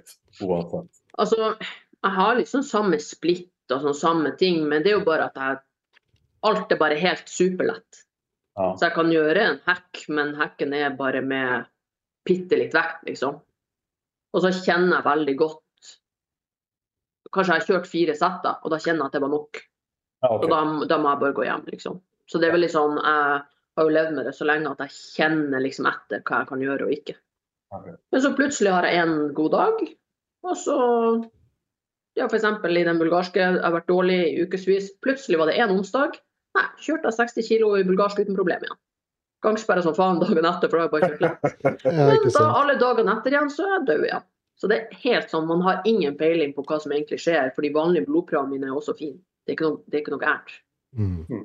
Så Men som sagt, jeg, jeg er bedre nå. Jeg har sovet enda mer. Så alle, alt jeg gjør, har jeg forskjøvet. Så jeg sover hver dag til jeg våkner meg sjøl. Jeg har ingen ringeklokke noen dager. Hvor lenge sover du da? Nei, jeg sover jo minimum tolv timer, så jeg prøver jo å ligge i ro mer enn det. Det er Ja. det, altså. Altså, det, Man blir jo sånn gal, men jeg har jo levd med det så lenge. Men eh, det kan være sånn jeg har sovet tolv timer, står jeg opp, går to timer, drar jeg på gymmet, beveger meg litt, tilbake, setter meg rett i sofaen. Og da sitter jeg i sofaen non stop til jeg går og legger meg. Og sånn er hver dag. Hver eneste dag. Så ja, derfor jeg sier de stegene vi snakka om sist, det er ikke mye steg. Det skjønner jeg. Du går fra sengen til stuen og så Ja. tilbake igjen.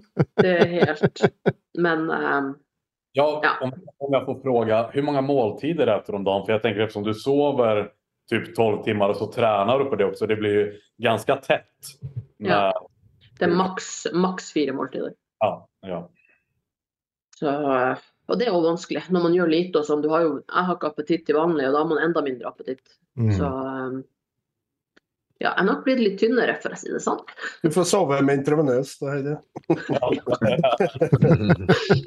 Og carbs rett i systemet mens jeg ligger og sover. Glukose rett inn. Men goden er jo at når du har levd sånn som vi gjør, så er det alltid ok, Hvis jeg har spist dårlig en dag, da tar jeg alltid en shake om kvelden. Jeg sørger alltid for at jeg får i meg nok protein uansett. Så det det heller kanskje er dårlig på, det er litt andre ting, men protein og sånn, det, det får jeg i meg nok uansett. Det er jeg jævlig nøye på. Men uh, så sagt, det går litt bedre nå, så jeg får bare håpe at det, nå er det liksom inn i en god periode noen måneder, for da kan jeg klare å bygge. Men jeg trenger jo fire måneder med gode dager for at jeg skal klare å komme til MPC i september, liksom. Tror du at det kan være tøffere nå pga. konkurransen du har hatt og sånn, eller eh, lang diettperiode? og- Nei, da tror jeg det hadde slått inn før, liksom. Mm. For etter, jeg var veldig, veldig fin etter konkurranse, og jeg gikk opp i vekt med en gang og spiste mat, og, så jeg følte ikke noe på det. Mm. Men det er sånn, altså. Det her, jeg levd med det i nå, ja, er det 14 år, så jeg vet jo at det er akkurat det samme som skjer, liksom. Og det bare. Men det er bare når man holder på med de, det vi gjør, og man har eh, store mål, så det er jævlig irriterende med Ja. to, over to måneder hvor jeg bare går og mosjonerer med sånne fem kilos vekter, liksom. ja, nei, fy. Mm. Men eh, ja. Det går jo an, tydeligvis. Altså, LeBron hadde jo seks måneder pause mellom konkurransene. Det er håp, Heidi. Og du, du har jo blitt, kommet dit du har kommet, så det er jo imponerende. Altså. Ja, om du ser sånn, du hadde jo en operasjon, var ikke det i fjor januar? Bare noen Du var borte i var det nesten åtte uker fra trening? Før du begynte på det? ja, altså det var jo før Altså jeg begynte på diett i januar, det må jo være to år siden, da. 14. desember for to år siden. Da, Ja, jo, ja. da trente jeg jo ikke nå på 16 uker. Nei, ikke sant? Ja, det var rett Men- før du skulle konkurrere, i hvert fall. Ja, det var liksom året at det ble liksom Jeg fikk ikke et uh, F, Ja. Mm. Men eh, det funker. Men det er jo bare det at det ikke, jeg har jo ikke tenkt til å konkurrere og se likens ut. Nei, nei. Den, den ryggen min må jo få litt details, ikke flat pannekake. Mm. liksom. Nei, vi får håpe du eh, kvikner til snart. Ja. Det går nok bra.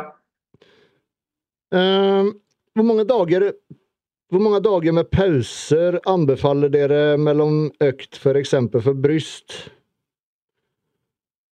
F.eks. om man kjører bryst på tirsdag, hvor eh, lenge må man vente før man trener igjen?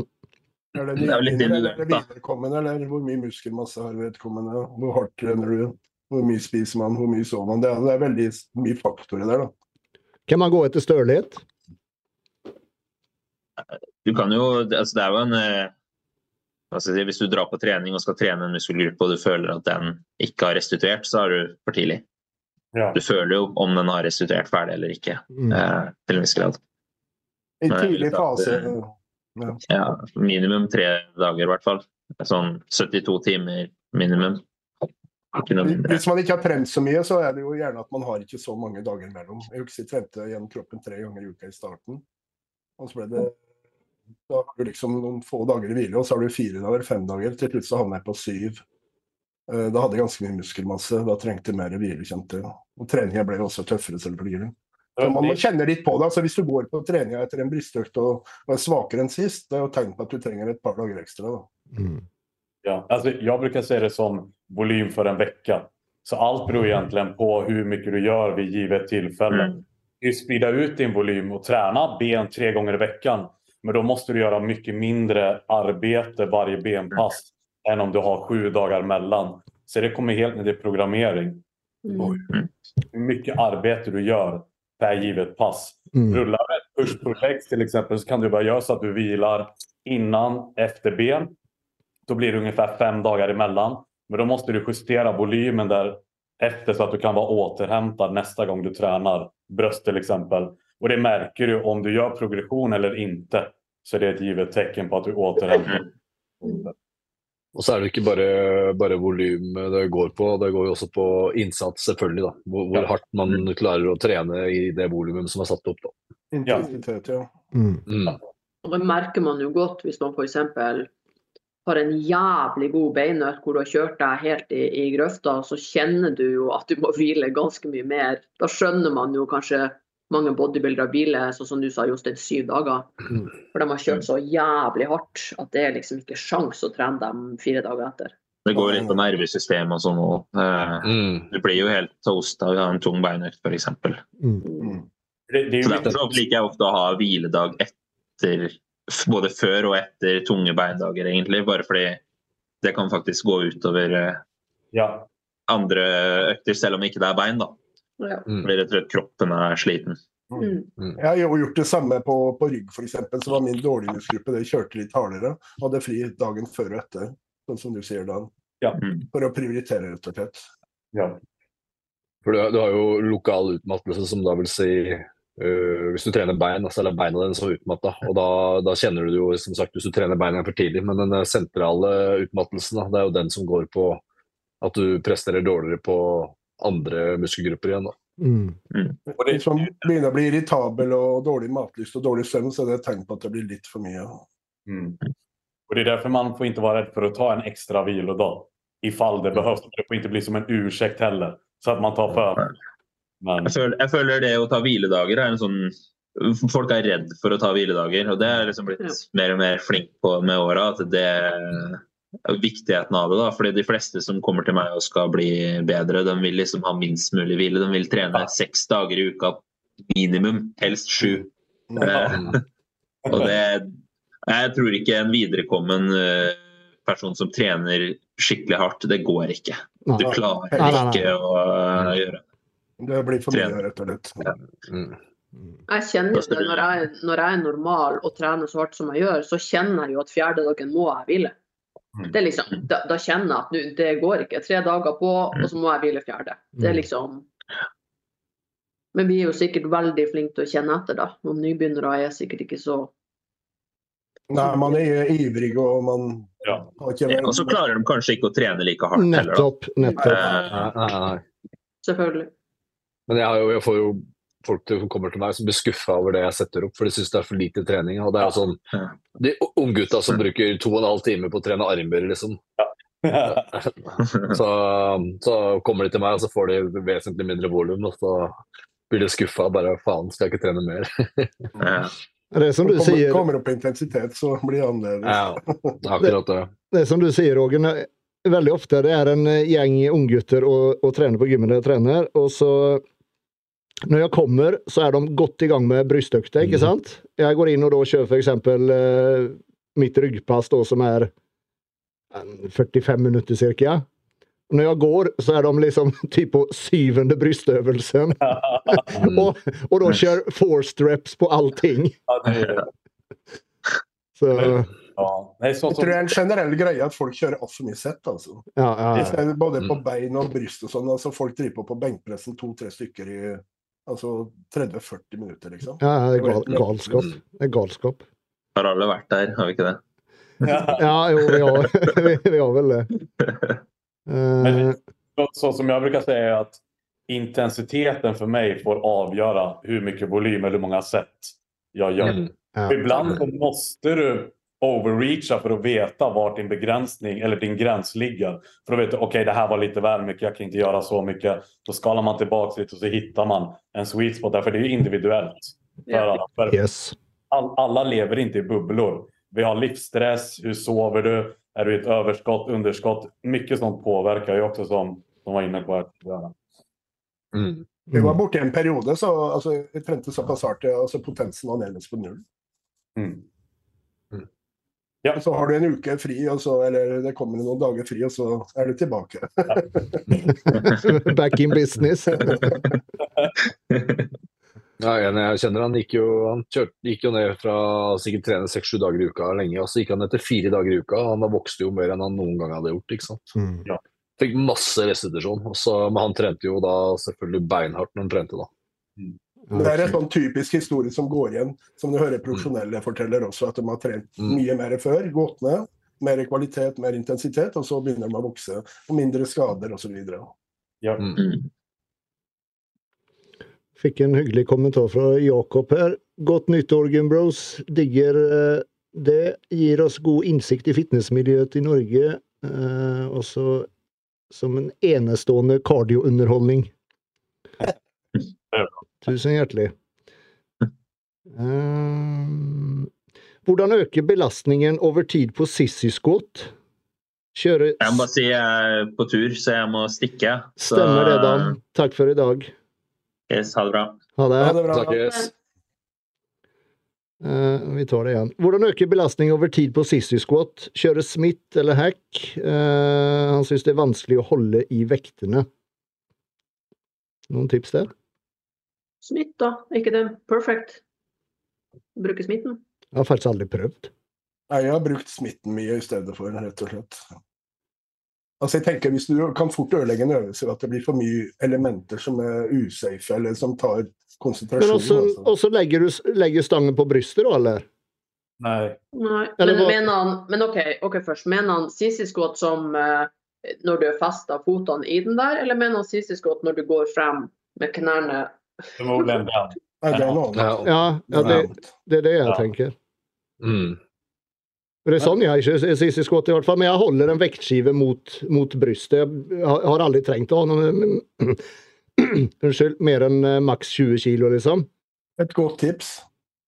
Eh, hvis man har et belte på seg, bruk kabel. Fest kabel fra, fra gulvet, eller fra en maskin, eller en kabelanretning, så slipper man å holde en annen vekt, hvis man gjør det eventuelt. Ja, du fester kabelen i beltet? Fester kabelen i beltet, og så drar man skrått oppover. Da får du også mer på fremsida av låra hvis man har en liten skrå bevegelse bakover. Hvis du skjønte hva jeg mente. Ja, ja, ja. Det er en jævla fin måte å gjøre det på, for da slipper man å ha noe fokus på det. Hmm. Jeg har vel bare- aldri- gjort det med smitt, da. Nei, Jeg har aldri kjørt noe særlig sist skott. Jeg syns ikke den har vært noe behagelig for knærne mine, egentlig. Så. Nei, jag, jeg gillar ikke heller sissy squats. Jeg gjør heller ikke det. Jeg, jeg tenkte på når kjører han sissy squats? Om det enda er på slutet for en finisher, kan han vel bare øke repetisjoner i stedet for å holde på å bare laste tyngre i en sånn sissy jeg Jag vet ikke om det kjennes så safe. Det er jo på. ikke, det er jo ikke noe tung- tyngdeøvelse. Det, det, er du, det er jo mer en avslutningsøvelse Mm, der du mm. drar ut det siste, på en måte. Det, eksempel i superset med en leg extension, eksempel. Mm. Og da er, du, da er du ganske kjørt hvis du går fra en leg extension og så til den. Oh, yes. Og en, eneste forskjellen egentlig på en sissy squat og en leg extension, det er vel egentlig at du bruker rectus femoris mer, Jostein? ja, og sete. ja. Ja, ikke sant? For du presser jo framover. Mm. Ja, og så just at du er, ut, du er utstrekt i hofta, ikke sant? Da får du koblet inn rectus femoris mer. mm. Mm. det finnes jo også sånne benspackar der du nesten ligger ned. ja. Sant? Ja, ja, sant. Där du bare tar bak setet enda lenger, så at du får nesten samme vinkel. Mm. Ja. Jeg vet ikke, jeg har aldri vært stort fan av sissy Scott. I så fall skulle jeg gjort det som en avslutter, men då bruker jeg gjøre Bulgarian split squats eller utfall istället. Jeg tror den eneste som var mer populær før, faktisk. Jeg tror ikke den eh, er så mye brukt mer. Det, det, det er ikke ofte man ser folk gjøre den, altså. Men den er begynt å komme litt tilbake igjen. Ja, jeg ser det. Mm. Så han, det er, er noen gode, gode som har gjort den, så blir den populær igjen. Ja. Ja, sånn, som, sånn som Coleman og han begynte med det her eh, Hva heter de her han gjorde det på asfalten der? Utfall. Mm. Mm. ja, hvor mange var det ikke som begynte med den etter at de så han på den videoen? altså? Mm. Ja. Det er ikke mange som kjørte så tomt som han, da. Nei. det är han. Nei, du, du ser resultatet av det òg. Det er så rått å se. Han går der med de gule tightsene sine, og så blodårene bare tyter ut. Helt jævla brutalt. Men for å svare på den der frågan. Jeg hadde nästan eh, i en CC-skott forsøkt å kjøre kört med kroppsvikten. Da var progressa repsen istället. Og, kan, Mm. ja, og, og kanskje enda roligere eksentrisk fase eller noe. For å, Exakt. Göra Mm. bara ja. Det, det er jo definitivt ikke en øvelse der du kjører veldig fort. på en måte, Det er mer feelingen. Ja. Og så ta det helt ut. Så intensiteten blir jo bare å kjøre så lenge man klarer, egentlig. Et, Ja. et par sett vil jeg si ville holde det. Mm. Uh, hvem har spist mest mat i jula? Ikke meg, i hvert fall. Da Roger. Roger. Roger eller Zack? Roger eller Roger ser mett ut. Nei, jeg har ikke holdt igjen noe særlig i jul. Jeg har ikke det. Jeg har kost meg. jeg. Om vi ser på ansiktsformen til Zack, så ser det ikke ut som han holdt igjen heller. Ja, jeg, gikk faktisk, jeg gikk faktisk ned etter jul. Ja. Det bruker jeg alltid å gjøre, faktisk. Eller før når jeg er Ja. aktiv. Ja. Jag äter ju normalt sett nu typ 6400 kalorier. Fy faen! Eh, Det fick inte jag i mig på jul, för jag gick ner nästan ett kilo Mm. dagen efter. Oi. 6004. Herregud. Jag äter typ 150 gram carbs om dagen. Ja. Da er det mye væske du mista, da, sikkert. Ja, det är ju bare bara, Ja. bara vätska och mag, matvolym. Eller magvolym. Ja. Ja. Men aptiten er fortsatt på topp? Du har liksom är inga, inga problem å få, få i deg det? Nej, inte än. Det kommer snart. Men just nu är det lugnt. Än så länge. Hvor mange ganger er du på toaletten om dagen? Nummer två eller det andra? Ja, num eh, nummer två. Uh, tre till fyra. Systemet ditt er bare evig maskin. Det, er, det, det, er ingen, ja, det er ingenting. Jeg har irritabel tarm, så jeg har hatt noe liksom uh, mi- minimum åtte ganger om dagen, liksom. ja, jeg jag tror fyra bruker väl, være for meg. Det sjuke jeg har alltid når jeg våkner, og sen efter frukost. Sen blir det typ efter trening, og sen noen ganger etter trening, og så innan jeg går og legger meg. Det er typ så. Det är samma, samma varje dag. tenker, jeg tenker med en blir dere ikke sår i ræva. Har. Har en tørking. Jeg har jo operert, jeg har jo operert for hermerider to ganger, så ja. Våt, våtservietter eh, lærte Lasse Tellnesen meg. Ja, det er det jeg har. Våtservett. Aloe vera, aloe vera er det som funker best. Hver gang man er på do, så bruker man aloe vera. Ja, om, om- om man vanligt papper, det går ikke. Nei, nei, nei. När man åker utomlands, du måste ju köpa båtservetter direkt eller något. Ja. Det, det går inte annars. Ja, det var det første jeg tenkte. Dæven, det rævhullet, det er sårt. Ah, ja, det På blir, træler, vet du. Eller skal man ha sånn eh, franssystem da, som eh, spyler. Ja. ja, som, bi, som bidé. Mm. Uh, uh, uh. Det är trixet. Skal vi se Eh, Skal en helg til Oslo i februar, hvilket senter kan dere anbefale for en, for en drop-in-time? Det kommer jeg på hva man er ute etter, kanskje. Harald Skum, men du Skum i hvert fall. Jeg tror, jeg tror det er kult for folk å gå innom Harald. Ja, det gjør det. Mm. Jeg er litt spent på det, det som skal åpne nå snart. Er det ikke det, det Pump House, Mm. eller hva det heter, på Ryen? Jeg meldte meg inn. Ja, du har det? Jupp. Utstyret Si eh, noe mer om det. De, Altså, det er sinnssyk uh, utstyrspark. Ja, eh, rå, liksom- råeste ever. Hvem er det som uh, skal drifte det? Det er hun Charlotte uh, Moe eh, og typen, tror jeg. Er det ikke Ja. Og så et annet par. Jeg husker bare ikke hva de heter. Det er liksom det er håndplukka utstyr både for hypertrofi og styrkeløft, og det er veldig Det hørtes så spennende ut. Ja. Hvor Ja. på Rien er det? Hvor på Rien er det? Vet du? Jeg tror det er bare bak uh, Det er gamle, ja, det er gamle Fresh Fitness-lokalene.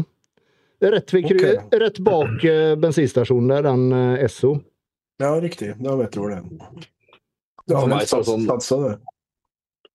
Ja, for meg, jeg har blitt så kresen med åra på, på utstyret jeg skal trene i. og, og sånn, så synes jeg som Haralds var kult uh, før, og så syns jeg nå det har mista greia seg litt. Uh, for jeg syns at mye utstyret er litt utdatert og gammelt. Og så syns jeg at det er, uh, det er en del Det er litt sånn sirkus uh, Merano med visse folk som trener der, og det, jeg får bare fnatt av det. Så Jeg må bare. Ja, ja. Det ja, det, er helt, det, er helt, det er helt Texas med visse folk som trener der. Mm.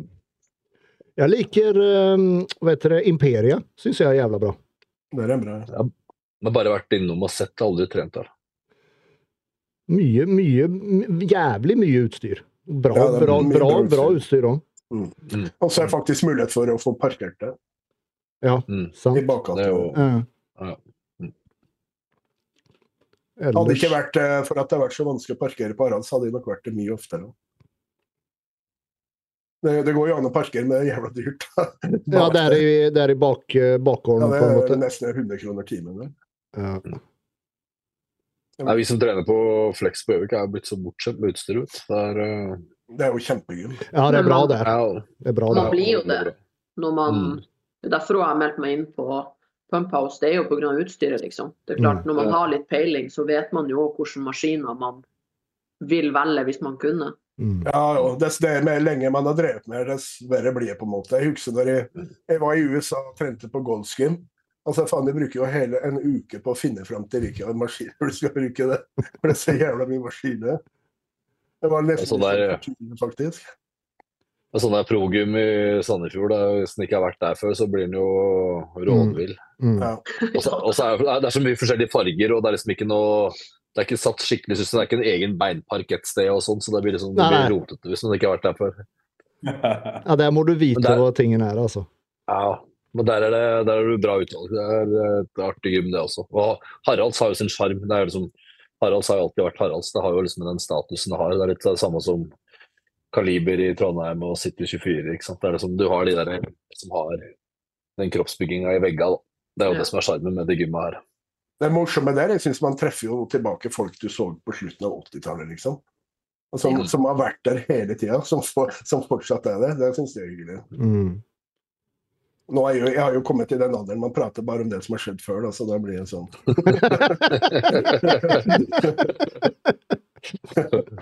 Husker du den gangen? Ja, ikke sant? Det blir sånn. Men da er Haralds riktig plass, for å si det sånn. Ja. Definitivt.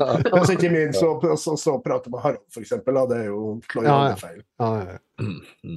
Hva, hva er vad är det bästa gymmet i Norge? Skulle ni säga?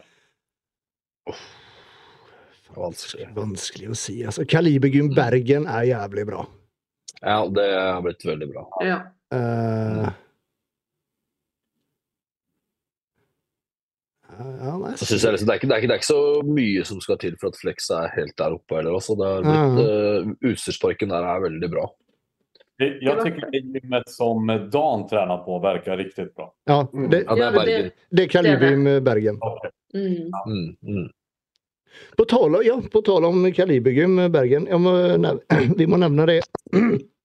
Hei, det er eh, siste helgen i januar, den 20 Hva er det? 27.-28. 27. Ja, eller det er, det er den, primært den 27. på lørdagen. Eh, så kommer det i hvert fall være en eh, Gymbros skråstrek shock factor happening der. Så det kommer bli eh, Heidi, du snakka om å kjøre noe poseringskurs, eventuelt? Ja, vi får nå vel til noe kult. Ja.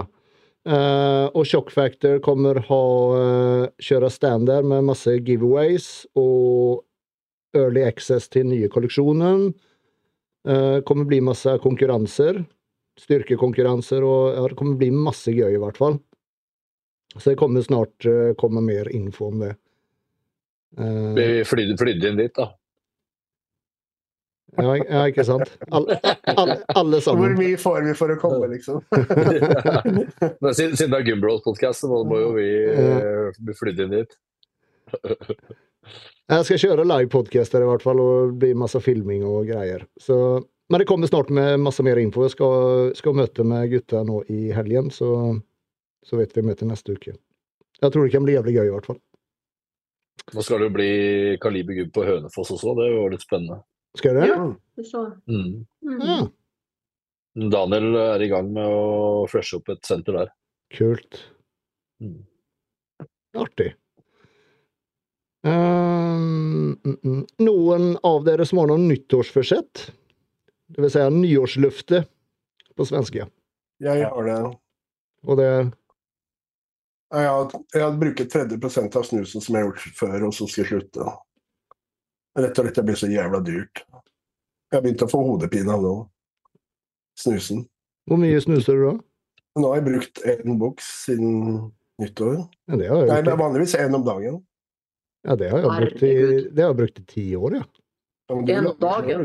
Du lager jo snus sjøl, du. ja. Jeg bruker eh, sikkert to bokser om dagen nå. Det er sjukt.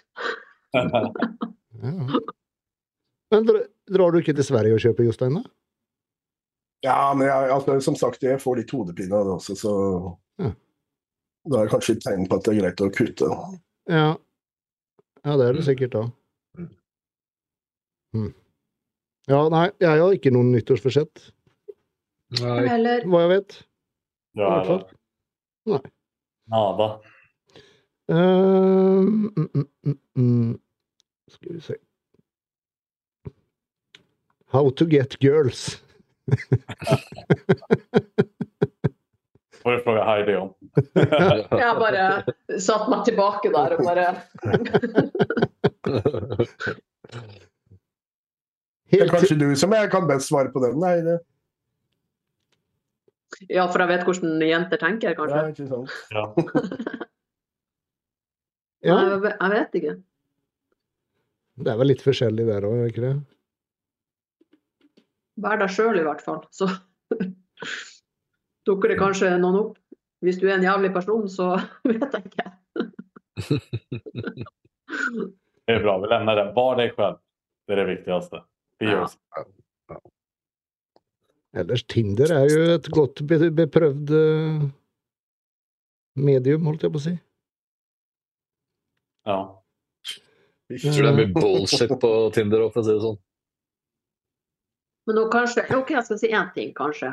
Eh, å være interessert. Hvis man møter noen første gang, så liksom still spørsmål og vær interessert og liksom Jeg vet bare noen jenter av og til forteller, liksom, så er det akkurat som at de har vært ute og møtt en fyr, og fyren har hatt monolog, på en måte. At man liksom ikke At det ikke er noe At samtalen ikke går, og fordi at de egentlig hører ikke etter. og Og så mannfolk som prater bare om seg sjøl og ikke spør hva Ja, liksom, ja, nettopp. Liksom. Du må jo på en måte være interessert i, i den personen du møter, og stille spørsmål. Og, Har den og den jobben og den og den bilen og ja, exactly. Det, det, det kjenner jeg ingen som faller for. Ja, på tale om på bil og sånne ting, hvor, hvor viktig er det egentlig? Eller er det, er det noen Eller er det vanlig at jenter på en måte Det er ser det som en viktig ting med at man skal ha fin bil og masse penger og sånne ting? Helt sikkert. Helt sikkert noen. Ikke Det er bare å se på en del rike folk rundt omkring da, som er 60-70. De Ja. har jo med seg i hvert fall utseendemessig flotte damer. Da. Det det må jo være et eller annet som lokker der. ja, annars kommer ikke 20-åringer til 70-åringer. Nei, nei, ikke sant. Nei. Ja, det er veldig få av dem som er sammen med fattige 60-70-åringer, i hvert fall. Som jeg, Mm. vi. tenker. Jeg veit om et prakteksempel på akkurat det her, men jeg skal ikke si noe annet. No, no comment. ja, no comment. Eh, helt til fullstendig failure eller noen reps i reserve? Failure. Failure, failure, failure. Failure Heller mindre, heller mindre sett, altså. Ja. Ja. Eh, altså, Sånn gjorde de før, hvis de følte meg litt sånn sliten eller på grensa, på en måte, så gjorde de heller mindre sett, og heller dro det ut. Altså Hvis du skal bygge musiatur, så må du ha intensiteten. altså. Eller kan du heller bare ta de fri og vente en dag eller to, tenker jeg. Mm. Det var jo det som vi pratade om innan, at intensiteten får avgjøre volymen. Mm. Ja. Mm. Men just det, jeg tror Det er jævlig mange som gjør feil. At de, de trener altfor mange sett helt til failure. Som de gutta som jeg nevnte i stad. ikke sant? De står og hjelper hverandre faen meg på fire, fem, seks, syv øvelser. På alle settene så liksom drar de four straps, ikke sant? Det er ikke mye du tåler av det. altså. Det er ikke det. Jeg, jeg hørte sånn uh, Dorian Yates prate om det på en sånn podcast. Altså Når du ser på den videoen, så får du inntrykk av at han har noe sånn altså four straps eller får hjelp på nesten hvert eneste sett, men det gjør de ikke. altså. Det er kanskje én øvelse i løpet av den dagen, på en måte. Mm. Det, det er som å ta en benpress, en hacksquat til fail eller en benspark. Det, det er jo liksom en veldig annorlunda stimuli eller utmattning. Mm. En, Mm. ben, en benpress og en hacksquat skapar mye mer fatig och stress på nervsystemet vad en benspark gör. Jævla godt poeng. Jag också se till vilka övningar det är. Du kanske kan komma undan med tre set i fail i en benspark. Men gör det i alltså hackskott, benpress og allting. Det, det Da har du også for å beholde teknikken, ikke sant, at du bruker Ja. riktig muskulatur. Og Ja. det som Jeg sier, jeg husker før jeg kjørte, jeg kjørte ikke mye bøy, men jeg kjørte jævla tungt og jævla hardt. Og jeg ville aldri ha folk bak meg. altså. Ikke, altså jeg, jeg prøvde, men det ble, det ble bare failure. altså. Det, det ble helt feil. Jeg ble rett og slett overtrent. Mm. En enkel måte å forklare det på er jo hvis du kjører ti, set, nei, ti reps da, og du feiler eh, etter den tiende repen, så har du si de fire siste, siste av de ti repene dine er de repene som faktisk teller. Mm. Og hvis du da har to i reserve, da, så har du bare to reps på de ti som, som teller. Da. Så da må du ha flere sett for å få like mange eh, repetisjoner som faktisk gir effekt. Da. Och sen varför jag också gillar att gå till fail, då vet du när du är fail. Och du, att Mm. ibland kan man säga, ja men jag tror jag har två reps till. Men hade du två reps eller hade du tre reps till? Det vet du ju Mm. inte säkert heller. Men går du till fail så vet du att du inte klarar flere. Men du bruker jo Zack, du Mm. bruker en metode der de fleste reppa dine blir ganske heftige. Ja, At du, du holder tre sekunder, ikke sant? Ja. Jeg holder tempo. Jag dödstoppar nästan allt jag gör bara för att hålla det konstant. Mm. Mm. Jeg kan Alltså, tenke, altså Hvis noen begynner på det her og kopierer det, så kommer det til å bli jævla støle. altså. Mm. Jeg har gjort litt det samme, bare en annen metode. At jeg vil at alle reppa skal telle. Sånn at jeg har kjørt sakte ned for å gjøre vekta tyngre, og kjørt fort opp for å Ja. gi mer gass på turen og bruke mer fiber. Ja. på en måte. Sånn Mm. sett har jeg på en måte prøvd å lage alle repetisjoner så tøffe som overhodet mulig. Altså make it count, på en måte. da. Exakt. Jag håller med. Och det, genom att göra det så minimerar man ju skaderisken också. Mm. Mm. Mm. De sier jo nå, hvis du er på opptrening og sånn, før så var jo mer moderne å kjøre sånn 30-40 reps i. Det er helt ute. Kjør 10-12-15 reps, that's it. Ja. Når man er på opptrening også. Ja. Og så er det gjerne sånn som vi har pratet om, at altså kjører man en øvelse som er veldig lett kontrollerbar, som en lett bevegelse, så kan man kjøre mindre reps. Og så har du mer sånn som du kjører leg curl eller leg extension, så er det litt mer teknisk. Spesielt leg curl, kanskje. Der kan man kjøre litt flere reps, tenker jeg. da. At man kanskje er oppe i 15. Sånn at man ikke Du ser folk bruker korsryggen og rumpa og, og kaste på seg, og det blir liksom helt feil. Da, da føler jeg at det er bedre å bruke litt flere reps på mer tekniske øvelser. Jeg tenker at det er, eh, Hvis man er opptatt av utførsel, så justerer man vekta etter utførsel som man kan gjøre. F.eks. åtte reps i en, eh, en lårkøll. men at du, du, det som er uh, førsteprioritet, det er eh, riktig utførsel. Og så må du justere vekta deretter, og heller øke etter hvert som du liksom blir sterkere med riktig utførsel, istedenfor i å kaste vekt, som mange Mm. gjør, da, nettopp for å klare mer vekt. Da. Ja. Du ser Mange kjører jo skiting på biceps allerede fra reppe en, liksom. Ja. Mm. Mm. I stedet for å liksom lage dem tyngst mulig. Ja. Det, det blir jo sånn ego som man hadde sjøl også en gang i tida, selvfølgelig. da. Mm. At man skulle løfte tyngre enn sist. Og så Og ska, skaderisken blir mye større også. Enormt. Ja. Altså pluss Hvis En- du ser på en sånn biceps curl, da, som mange kjører. altså du står jo, Ryggen står jo nesten rett bakover. altså Du bruker jo nesten hele kroppen på å trene biceps. Du bruker framside skuldre, du bruker ryggen, du bruker setet. Jeg har jo vært borti sjøl og vært stiv i legget etter en bicepskø, liksom. For at du står og trykker og kaster på hele kroppen for å få opp den jævla vekta. Men fy faen, da prater vi om utmattelse, altså. Ja. Mm. Ja. Men jeg, tror de fleste av oss har gjort det. Jo, ja. Det er jo, Mm. det er jo svårt å slippe egot. Det er jo det. Man må bare være ærlig mot seg själv. Mm. Det Når du skal begynne å dele opp kroppen i forskjellige muskelgrupper, sånn, så er du helt avhengig av det. Mm. Nedtrekk er kanskje den øvelsen jeg ser flest Ja. eh, og overdrivere. De sitter og Ja. med overkroppen mens de kjører for å få Det blir en roing. vekta. Det, Ja. blir, det blir som en sittende roing omtrent. Mm. Ja. Man kaste på skikkelig med, med korsrygg først. Altså. ja, det blir jo ryggstrekkere nesten mer enn lats til slutt, så Mm. Mm. Eh, hvordan få Heidi sin fysikk? Girl crush big time. Det er jo koselig. Nei, man må være seriøs. Det er bare det. Leve et kjedelig liv, som jeg gjør. Og så har du drevet på ganske mange år òg, Heidi. Ja. Med, med alle de årene så burde det vært mye bedre. Så.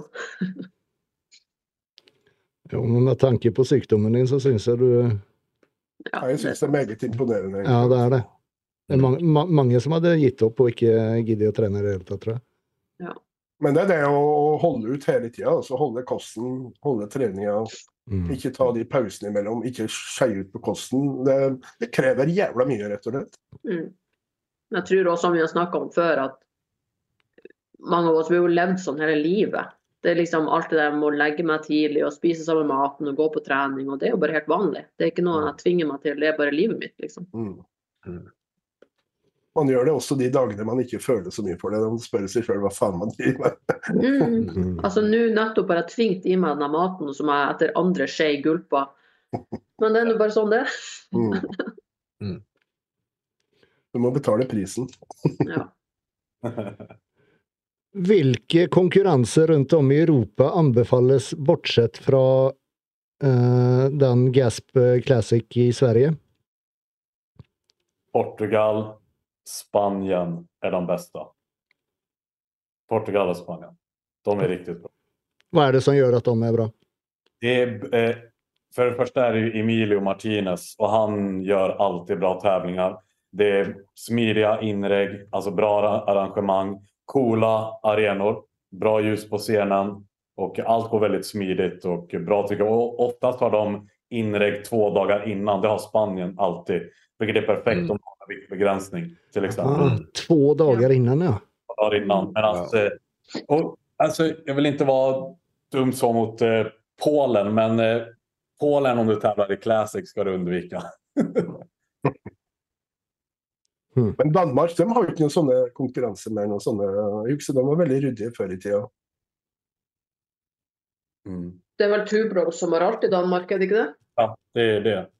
Tubros har vel Danmark nå. Danmark og Finland er Two Rows va? Ja, jeg tror det. Ja, men jeg skulle helt ærlig si at de beste jeg har vært på är eh, Portugal, Spanien og Sila, även Italien också. Det är typ en timme från Rom. De har också. De har typ så här jättestor um, nöjesfält nästan. Det är otroligt stort område. Så de tre Mm. tävlingarna uppskattade jag väldigt mycket. Ja, de har jo mye av de der eh, eh, Olympia amatör, inte det i Italien? Ja, De har jo mange av de showen rundt omkring. ja Spanien är också, har ju typ två Amateur Olympia, jag tror en våren, en Mm. hösten. Eller om det är sommar, höst.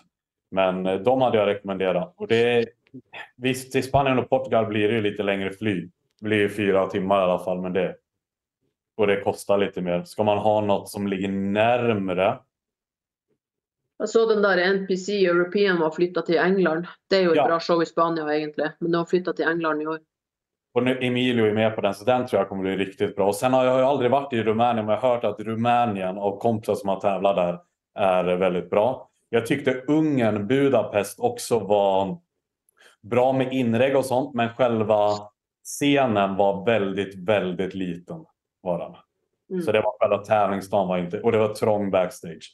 Medan Spanien, Och Italien de har lite, lite mer plats backstage. Uh, ja, så jag skulle säga de. Lite Litt utenom eh, kontekst, men jeg har jo konkurrert i Ungarn et par ganger. Eh, og det var jo som proff, men det var jo det verste rotet noensinne, altså. I Ungarn. Du, du, fikk, ja, ja, du fikk rom uten aircondition, du hadde liksom bestilt aircondition. Ja. Og så var det, Du fikk jo gratis mat, så hadde de salta maten som du ikke hadde bedt om. Sendt inn igjen maten, så var det plutselig salt på grønnsakene. Altså, Ja. det, du ble så irritert, og så var det noe feil på selve arenaen. Altså, det, det var liksom det ene etter det andre. Altså, det, det skjedde to ganger som jeg var der. Ja. Men ja, altså, gjør Emilio Martinez for han som tar. Ser ni att hans navn er med så er det formodentlig en bra, bra arrangemang. Men sånn som i MPC, da, i Spania, Portugal og sånn, så hvor det ofte er veldig varmt, er det er lokaler med aircondition og sånn, eller? Ja, Ja, det det, det er jævla bra. Når jeg konkurrerte i, i Hellas, eh, i FBB f.eks., så var det jo en eh, diger, åpen gymsal i, i sånn blikkboks i solsterken uten noe aircondition, uten noe vifter, ingenting. Det er det jo samme EM og Ja, VM. EM, det er jo EM og helt VM er. Ja, ja, ja. jævlig. Du står i en sånn her, eh, et drivhus. Ja, det er et drivhus. Det Ja, er ja, helt det er det det er. Ja, ja. Det er, jo, eh, det er jo krise når man ikke er vant med den temperaturen. Da. ja. Mm. När jag tävlade i Spanien så frös jag backstage så att det var liksom, det är inte för varmt i alla fall. Men Nej, det eh, Portugal är lite varmare för det är ju ett sånt där i ett kasino, Estoril. Och där Mm. ligger man lite vid fönstren så där kan det bli lite varmare just i Portugal. Men Spanien är väldigt bra temperatur i arenan.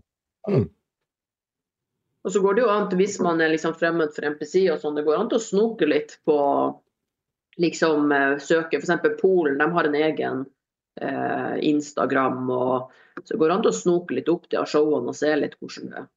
Mm. Få et inntrykk av det, da. Ja. Men ellers er det jo greit, som du sier, Sak, å spørre noen som har vært der, altså, som har erfart det på kroppen. Det er gjerne det man får best svar. Ja, så, så er det jo verkligen. Så er det. Mm. Jag tycker den, jag, var, jag har inte tävlat det själv men jag var och kollade. Den i Österrike tycker jag också var ganska bra arrangerad. Och det är ett närliggande land och- mycket billigare att resa till. Jag tror jag, för jag reser till Österrike ganska ofta. Det brukar kosta mig 800-900 kronor flyg. Hvor var det i Østerrike? Det är Wien. Är det. Ok, ja, där har jeg konkurrert faktisk en gang. Ja. Men om du, om du jämför de, de tävlingarna i, i Spanien och Portugal med uh, Gasp Classic och det. ja. Vilken skårar högst? Är det Gasp Classic eller? Jag skulle vilja säga Gasp Classic mest på grund av att du känner. För mig blir når när jag kommer dit så känner jag väldigt många. Det blir väldigt hemtrevligt. Mm. Men också att livestream är gratis, coachpass är gratis. Det hittar du inte på någon annan tävling. Mm, mm. Att de är gratis. Plus att um, det är väldigt smidigt inreg, bra stenljus, bra fotografer, bra underhållning och allting. Det enda med de andra tävlingarna som kanske som har, de har lite bättre än eh, Gas Classic i så fall. Det är väl att, i så fall att de har större backstage och kanske större scen. Men backstage är sämre än vad det är på Gas Plastic. För Mm. Gas Classics backstage är ju bästa backstage. Ja, fy fan. Så att det är liksom, visst, det är lite mindre men det är fortfarande mycket bättre.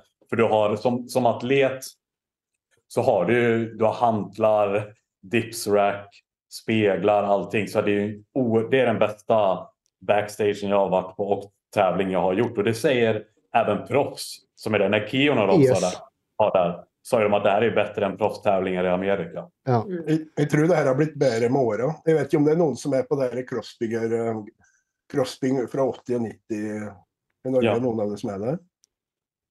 Uh, I hvert fall så, Jeg la, jeg la jo ut noe der eh, Geir Borgan konkurrerte, og jeg husker ikke om det var Østerrike eller hva det var for noe. Ja. Det var jo på 90-tallet. Altså det, det var ingen faste som skulle smøre folkene og sånt. Du måtte få, få tak i noen av de andre som konkurrerte til å smøre og sånt. Det er liksom Ja, nej, så er det det, er mye sånn, nei, det blir veldig mye sånn usikkerhet og sånt. da. Ja. Jeg har alltid hatt med med folk.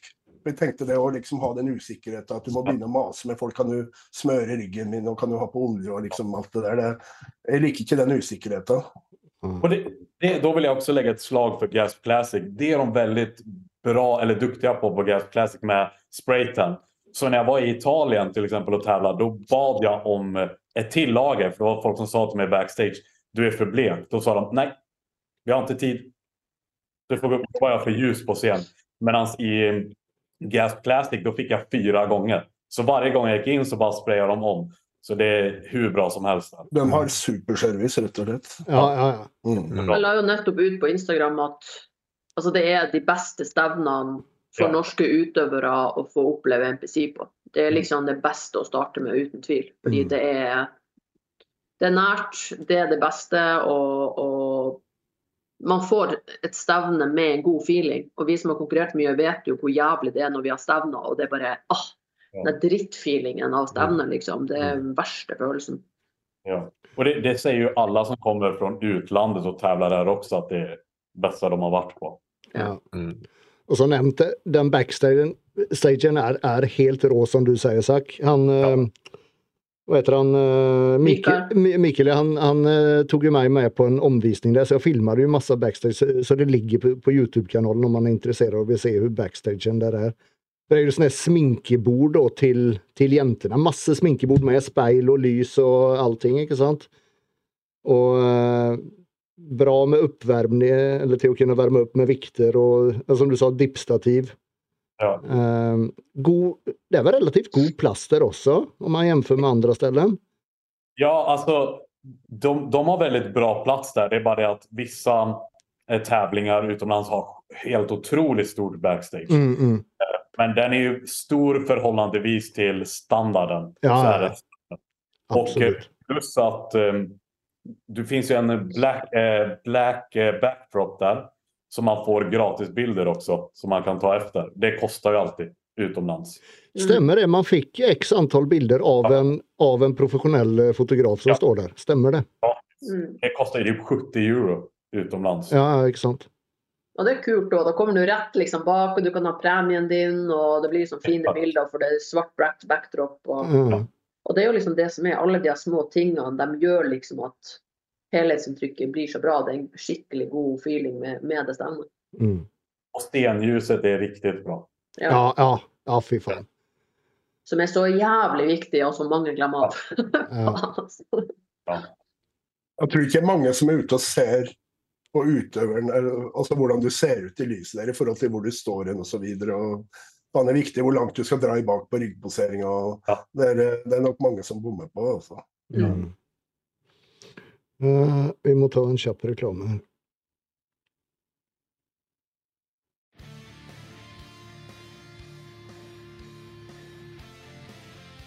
Plages du av gyno og sliter med å få dekket operasjon fra det offentlige? Da kan det lønne seg å dra til Storbritannia og Signature Clinic for å få det fikset. Klinikkene som finnes i flere av de store byene, var noen av landets beste kirurger, og det var hit som James Hollingshead valgte å gå når han trengte å få fikset sin gyno. Med koden GBP100 får du 100 pund i rabatt hos Signature Clinic. Link finner du i beskrivelsen av episoden.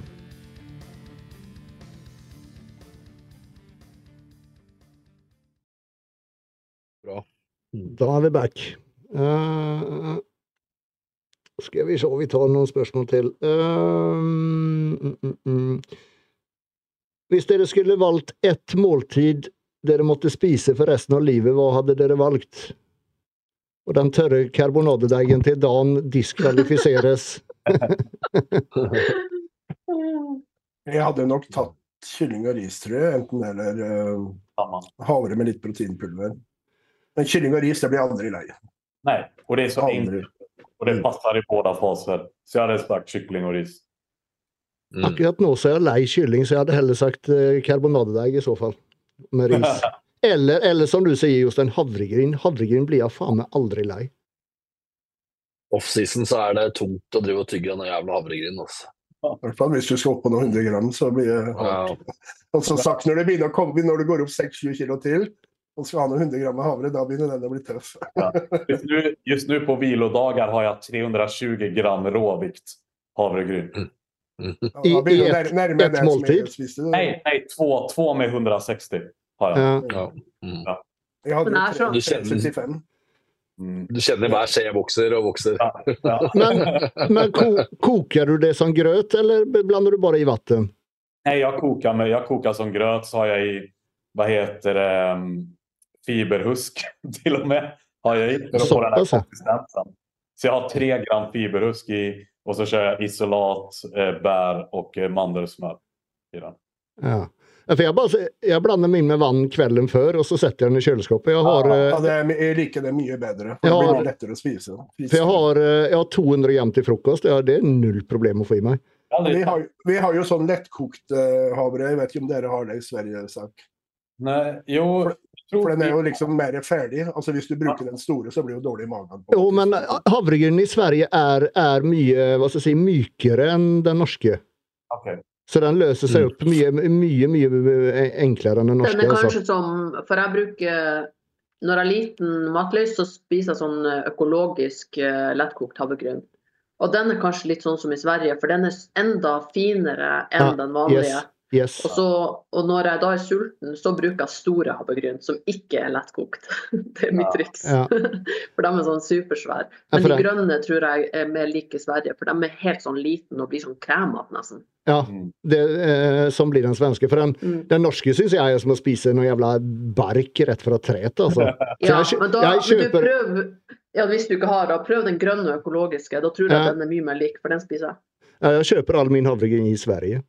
Mm. Jeg minner meg jo litt om den der risen altså Når jeg har vært de siste to diettene, så brukte jeg fullkornris. Ja. Jeg følte jeg ble, ble mye mer mett. Uh, men det var ikke godt, altså. Ja, det smaker så det, det er gummi, altså. Men, ja, men dietten ble så jævla mye enklere.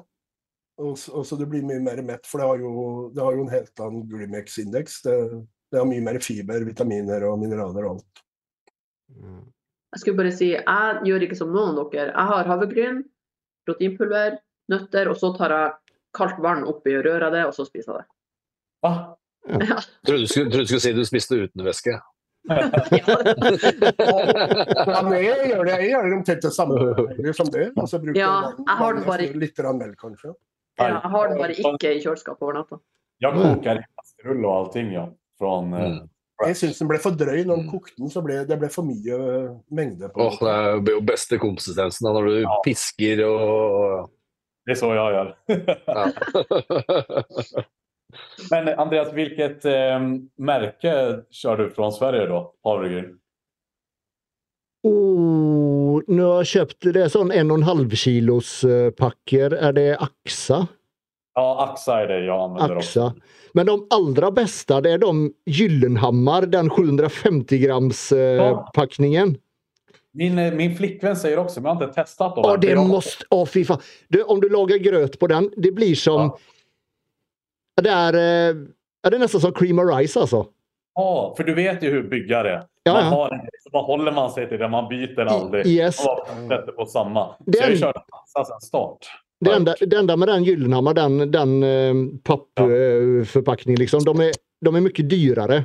Det är liksom liksom samma pris på 750 gram som det är på en en och en halv kilos ungefär. Eller kanske ännu dyrare, men, men det är värt det för de, de är Ja, så jävla goda. Men stacken, jeg er nysgjerrig på én ting.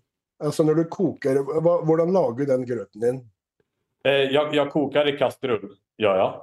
Och så jag kör typ fem gånger så mycket vatten som jag har. Eller fyra gånger så Ja, mycket men Du putter også proteinpulver oppi, sa du?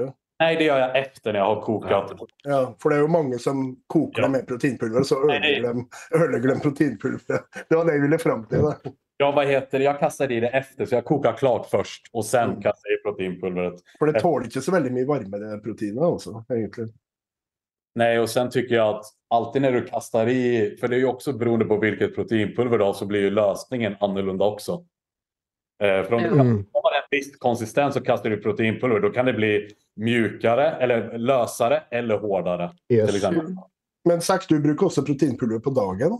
Ja, Hvordan gjør du det egentlig? Har du kylling, og så har du proteinpulver, og kylling og så proteinpulver, eller hvordan gjør du det? Jeg har til, på treningsdager så har jeg frukost, eh, proteinpulver eller isolat og havregryn. Sen har jeg innan treningen isolat cream of rice. Så da är det rismjöl med isolat. Och sen har jag intrashake. Sen efter har jag eh, whey isolat med mandelmjölk som jag häller i flingor. Och sen är det kyckling och ris resten av eh, Ja, for det, det var jeg ute etter, at mange tar det annethvert måltid. Ja. Så proteinpulver blir liksom tatt opp på 20 minutter, og så har du kyllingen på tre timer. Og så Ja. krasjer det og blir tatt opp på samme tid. Der er det mange som, som tabber seg. Ah. Jeg regner med at du skjønte poenget mitt. Ja, nej, jag har det bara på början och sen har jag kyckling och ris. Så jag har bara proteinpulver till frukost innan och efter träningen. För lite snabbare upptag, lätt, mer lättsmält. Sitter inte i magen lika mycket för mig. Och sen kör jag kyckling och ris eh, resten av dagen. Mm. Hvis jeg har brukt proteinpulver på dagen mellom, mellom kjøttmåltid eller kyllingmåltid, så har jeg brukt blanding mellom whey og kasein. Okay.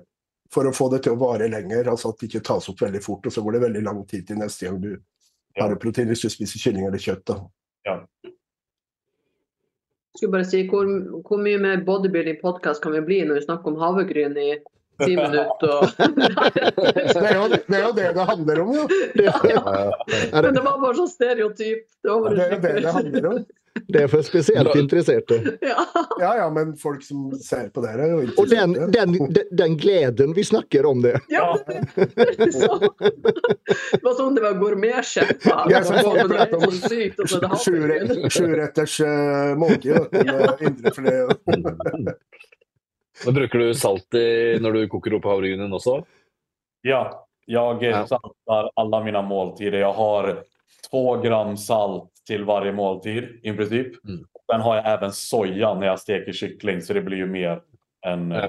två gram per måltid. Så jeg tror faktisk jeg ligger typ på 18 gram salt om dagen. 18-20 gram salt om dagen. Mm. Mm. Jeg tar jo også så här. Det finnes salt eller det finnes natrium i eh, min PVO, min intrashake. Jag tar peak hydration också som är elektrolyttabletter som har Mm. Elevate och alla de där patenterade eh, ingredienserna. Jeg tror mange bruker for lite salt, rett og slett. Ja, Ja, ja, ja. Mm. Ja. Veldig mange. Folk er livredde for å spise salt. Ja, ja, ja. Spesielt, spesielt damer, er Altså Ja. redsel for å dra væske. Ja. Men skal du høre på skal du høre på staten sine anbefalinger? Altså skal du spise lite salt, du skal ikke spise kjøtt, du skal ikke det er ikke, det er ikke til byggere, da. Nei. Men det er ikke det helse heller. Det er ikke, det er ikke for helse heller. Nei, det er ikke det, altså. Det er ikke det. Ju mer kolhydrater du äter, ju mer vätska du dricker, desto mer salt behöver du också. Yes. Mm. Alle jentene bare ja, Spiser du ikke karbohydrater, så det går bra. Men, men du, ser, du ser jo hvor mange som sliter med kramper og sånn også. Det er jo gjerne Ja. at man har for mye syre i kroppen. Og salt er jo basis, og det retter jo opp balansen også. sånn sett. Mm. Eh, Heidi, vi fikk en kommentar eh, For jeg, la- jeg la ut eh, NM i Kristiansand nå på YouTube eh, her om dagen. Og så en som kommenterer eh, Det var veldig gøy å se, og så takker han for bra kommentering. Så bra. Mm. Så bra. Så, Ja, Si det en gang til! uh, Tore bruker yt proteinmelk i havregrøten etter den er kokt. Ja, det er bra. Havregryn er jævlig eh, det- er sånn multi, multilivsmiddel. Man kan liksom ha det med alt. Han som skrev det, er en av bestekompisene mine. Ja. Han som eh, jeg er ganske sikker på. Han er fra på Lillehammer-området. Tore, Tore Myrheim. Ja, han stemmer. Ja. Eh, ta et par spørsmål til. Eh, b- b- b- b- b- hva har podkasten gjort for dere? F.eks. flere venner, kontakter, kunnskap osv. Har du fått flere venner, Roger? Nei, jeg har ikke det. heller, jeg, har heller Jeg har en fått, historie. jeg har heller fått flere uvenner. Jeg har en liten historie, faktisk. Og det var, jeg var inne på en butikk på Skøyen. Mm. Og han som satt i kassa der, han bare 'Er ikke du med på Gymbros?' Jeg bare ja. Og så ropte han, stilte seg opp 'Oi, vi har en kjendis i huset her!' «Ja, er du på Gymbros? Jeg bare OK. Yes. Nei, når det gjelder eh, venner, så har det nok ikke blitt noe mer venner. Jeg har blitt bedre kjent med dere, da. Det er jo hyggelig. Ja. ja, nei, samme. Jeg er blitt eh, mer kjent med dere. Og sen da når jeg kjører mine one-on-one-podcaster, ikke sant, det blir veldig godt kjent med, med masse forskjellige folk. Så får høre, høre mye interessant. og Det er gøy å bli kjent med folk, rett og slett. Ja, på personlig nivå, på en måte. Sen, sen som sagt, har jeg sikkert fått noen uvenner også, for, ting som har blitt sagt. Jeg vet ikke. Ja. Det er umulig å unngå det, vet du. Eh, Ja. Mm. Eh, han Arman, skriver igjen her, han setter pris på Heidi sin ærlighet under kommenteringen. Veldig analytisk som vanlig. Nice, takk. Det er veldig gøy å høre når vi faktisk fikk For vi fikk jo en del kritikk. Vi trenger ikke å si fra hvem, men Ja, det var ikke en del. Nei, Det nei. var ekstremt lite kritikk, Ja, ja. men fra kanskje Ja, men i, i, ifølge kritikken så var det fra veldig mange, da, men det, Ja. jeg tror, tror ikke helt det stemmer. Nok om det. Uh, skal vi se om vi har noen flere. Jeg tenkte vi skal prøve å rekke gjennom alt. her. Eh, den har vi tatt, den har vi tatt, den har vi tatt. Nike eller Adidas? Det tok vi sist. Tok vi den sist? Ok. Ja, faen, nå er jeg på forrige Nå er jeg på feil. Ja, jeg tror nesten vi har vært igjennom alt. Og... Eh, her er et til. Eh, beste og verste proteinpulver dere har smakt? Det verste det var før i tida, så kjøpte vi sånne 20 kilo-sekker fra, fra Tine. Altså, det smakte pyton, altså. Ikke bare det, men da var jeg oftere på do enn det du er, Roger. Etterpå. Det var eh, det bakteriegreia der, det var ikke Ja, var- bra for magen. Men var det proteinpulver, eller var det bare Ja, det var, noe det var avfall fra Men, altså, vi, hadde, jo- vi hadde jo ikke råd, ikke sant? så det, man prøvde å finne sånne shortcuts. da. Og det, det kosta mer enn det smaka, for å si det sånn. da. Ja, det ble så dårlig i magen av det. Jeg blanda med juice-suksess, appelsinjuice. så det, og det, ble, det var helt jævlig. Men det, det er også en ting jeg har tenkt på. Som tunfisk var jo jævla vanlig å spise for, for byggere. Mm. Mm. Men det syns jeg aldri man ser noen spise nå. Eller? Det er-. Ja, Jeg skulle til å si at det er litt sånn øh, Noen studenter og sånn som jeg har coacha, har liksom bedt om å spesifikt få det for å spare litt penger, liksom. Mm. Ja. Utover det så det er det sjelden jeg ser det, altså. Du husker hva jeg fortalte Andreas en gang, når vi hadde den her eh, 1-1? Altså, jeg hadde jo nesten forgiftning på kvikksølv pga. Uh, tunfiskspisinga mi. Mm. Mm. Det fikk Så det ikke bare positivt. Og nesten selvlysende. Ja, det er ikke godt, ass. Fy faen. Jeg husker folk når det Ja, prat du. Eh, Nei, jeg bare sier at eh, Jeg husker folk bare satt og spiste rett ur boksen, ikke sant? Jeg har Mm, selv gjort det. Jeg hadde aldri klart det i dag. Ikke sjans. Jeg tok og skylla den, sila den, og så blanda jeg med buljong. Da ble det en god del bedre smak. Og så Jeg syns det var bedre med pasta enn med, enn med ris, for det ble så jævla tørt. Jeg prøvde å steke den. Jeg putta den i stekepanna altså sammen med, med curry. Det var Ja, helt, det gjorde jeg òg, det, husker det, det var helt, helt greit. Det var ikke Eller da, da var det et gourmetmåltid, men Jeg pleide også å ha en, en boks med tunfisk og en boks med ananas. Så det jeg spiste. Ja. Tunfisk, altså så ananas. Så sånn. En kompis av meg, da han skulle skeie ut, så hadde han pizza med tunfisk på. Ja. så jævlig. Når det gjelder spørsmålet om proteinpulver, så er det sånn som øh, Jostein sa, at i gamle dager så var det kanskje oftere du smakte proteinpulver som smakte drit. da. Men jeg husker øh, når jeg drev øh, kostimport, så var det et uh, svensk uh, kostvirksomhetsmerke som heter XXL. Og det, vi fikk levert av de øh, De hadde sånn typ 32 smaker i, i proteinpulveret sitt. Så fikk vi sånne porsjonspakninger med sånn der, var sånn der cinnamon bun, og det var alt mulig sånn. Og når det blir sånn veldig amerikansk, da, med veldig, veldig speisa smaker, da fikser ikke jeg det. Altså. Eh, For meg så må det gjerne være nøytralt og Mm. reine smaker, da. Ja. Det beste jeg smakte, i det er jo Thomas tok du inn fra Ungarn. Og det var Cytec med sånne Ja, de er jordbærklumper og sjokoladeklumper. og Jævla dyr, men eh, du verden, den var veldig god på smak. Ja, Delight. Cytec. Delight. Den er jævlig god. Den er jævlig Den husker jeg godt. Jeg tror den var verste for... Jeg bare si. Ja, eh, det var da vi eh, jeg skal fortelle, det var da vi tok med to sånne svartsekker med fulle, fulle med proteinpulver og smaksprøver. Og kom vi gjennom tonn, og så sto det anabolic på dem. Og han sto- sånn ung toller og nærmest jubla. Jeg og Thomas vi holdt på å le oss i hjel. Men Cytec var kjent, ble Oppbyggende, faktisk. ja, har liksom på noen tester vært kjent for å lure litt, da. Der, eh, de har hatt dårligere proteininnhold enn det som står på forpakningen, og jeg tipper at de, eh, sånn aminospiking og sånn, at de største produsentene er mer villige til å gjøre sånt for å tjene mer penger. Ja, og jeg vet i den, Så- den Smak er ikke alt, det var poenget. da. Jeg vet I den delighten også så var det jævlig mye karb. Det var derfor det ble så Ja. god, god smak på den. ikke Ja. sant? Masse, masse sukker. Det er sånn han der 100 barn til eh, proteinfabrikken, det er 40 gram sukker i, liksom. Det er ikke noe rart at det Ja. er godt. Ikke sant. Ikke sant. Det jeg skulle si var, jeg tror den verste, det verste protein Jeg husker ikke, jeg lurer på om det var multipower eller noe sånt. Men jordbærsmak på proteinpulver i gamle dager, fy faen, det Mm. var så kunstig. Det var så ekstremt kunstig. Jeg tror det var multipower eller noe sånt. Jeg husker så godt den der boksen. Og det var, det var et atomkraftverk i den der boksen der. Jeg var jo sponsa av dem et par år, faktisk. Og så husker jeg ble sponsa av Global etterpå. Jeg vet ikke om det er noen som husker dem. Roger, du husker kanskje det?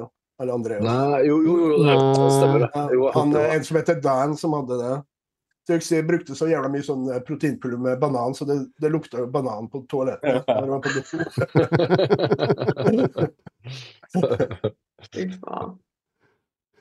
Ja, beste, beste smak. Ja, den, den Cytecen er god. Sen syns jeg den eh, faen heter de, da? Eh, eh, til gym, nei, gymgrossisten eh, Way, Way 80 er det faktisk jævlig god smak på. Star, Star Nutrition. Star Nutrition, ja. Den bruker faktisk jeg cookies and cream. Det er bare den jeg bruker. Den sjokoladen syns jeg er jævlig god. Ja, hva Jeg brukte synes, eh, Hva sa du, Jostein? Nei, så jeg lurte på, Zack bruker jo veldig mye proteinpulver. Ja, jeg, jeg, har en liste, Nei, men eh, det värsta jeg smakar, det må nok være veganprotein. Ja. Det smakade riktigt illa, tycker jag. Og egg, eggprotein. Aldri prøvd.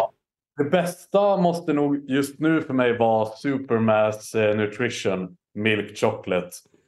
Eh, tror jag. Eh, eller Train, eh, Jordan Peters eh, mjölkchoklad. Det är mina två favoriter. Ja, mine er proteinspesialisten sin Eggpro med sjokoladetoffé. Den er faktisk jævla bra til å være et eggeprotein.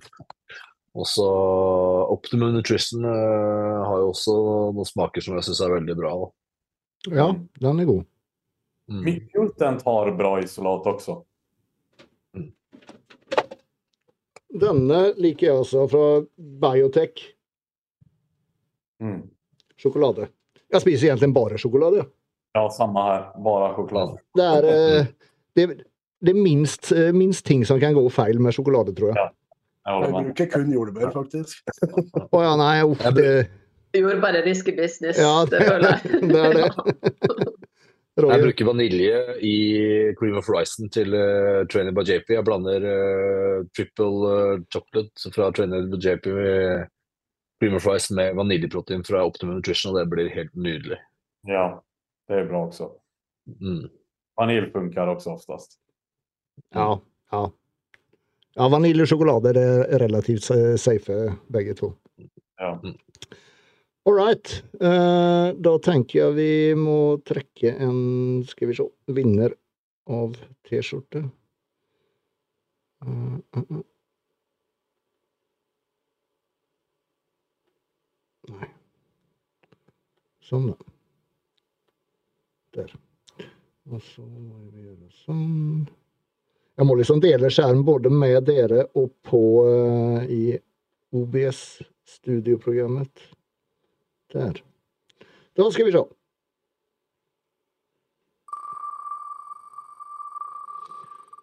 T-skjorte eller caps går til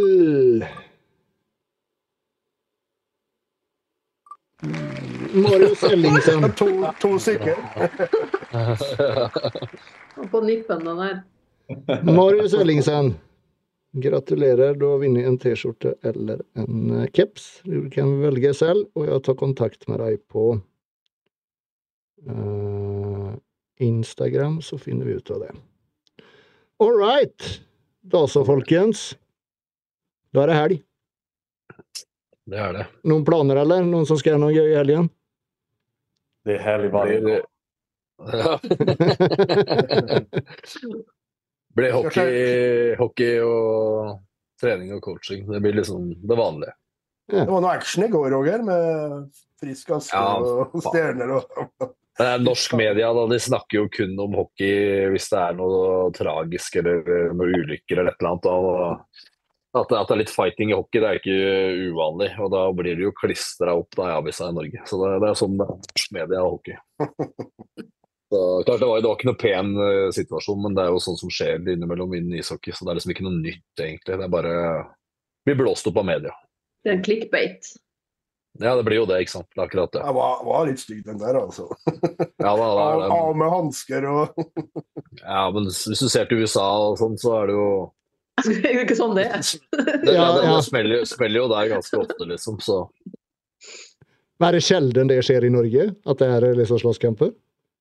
Ja, fordi det er blitt så strengt, da, ikke sant. At du får jo Hvis du kaster hanskene dine, så er du ferdig i matchen. Altså, du, du kan kaste kaste ja. hanskene, du trenger, trenger ikke å slå engang. Så er du, er du liksom eh, Så lenge du er med i tubultet, så er du på en måte nok til at du får matchstraff, og så får du fort karantener og sånn, ikke sant, hvis det skjer noe. I, I USA så er det fem minutter for fighting, og så er du ute på isen igjen. Det det ble jo lukt gjort litt ekstra ut av det her, da, fra han som slo.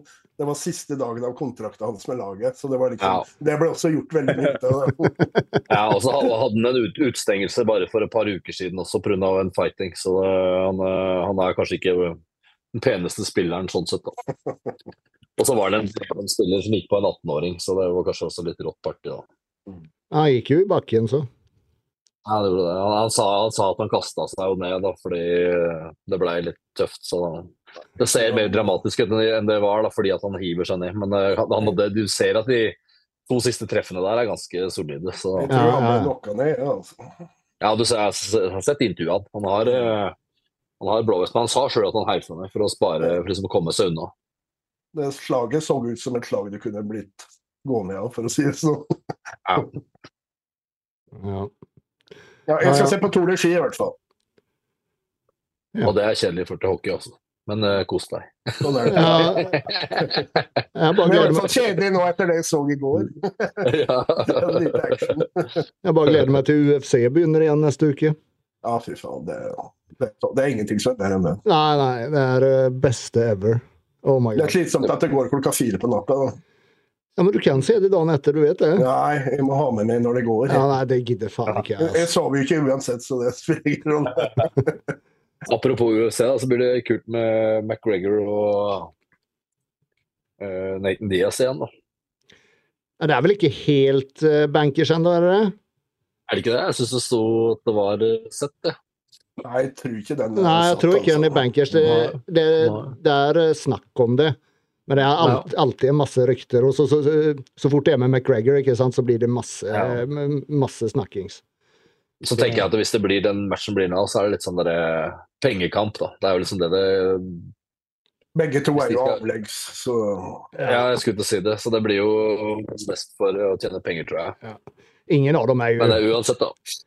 er jo hva skal jeg si, noen veldig, veldig gode fightere lenger. Men, eh, men, eh, men de trekker jo det blir, stor, Ja. det blir mye penger involvert, sånn sett. Det gjør det. Det gjør det. All right. Takk for i dag, Yes. folkens. I dag. All right. Takk for i dag. Ha en riktig god helg. helg. Snakkes vi. Ha det. Ha det. Ha det.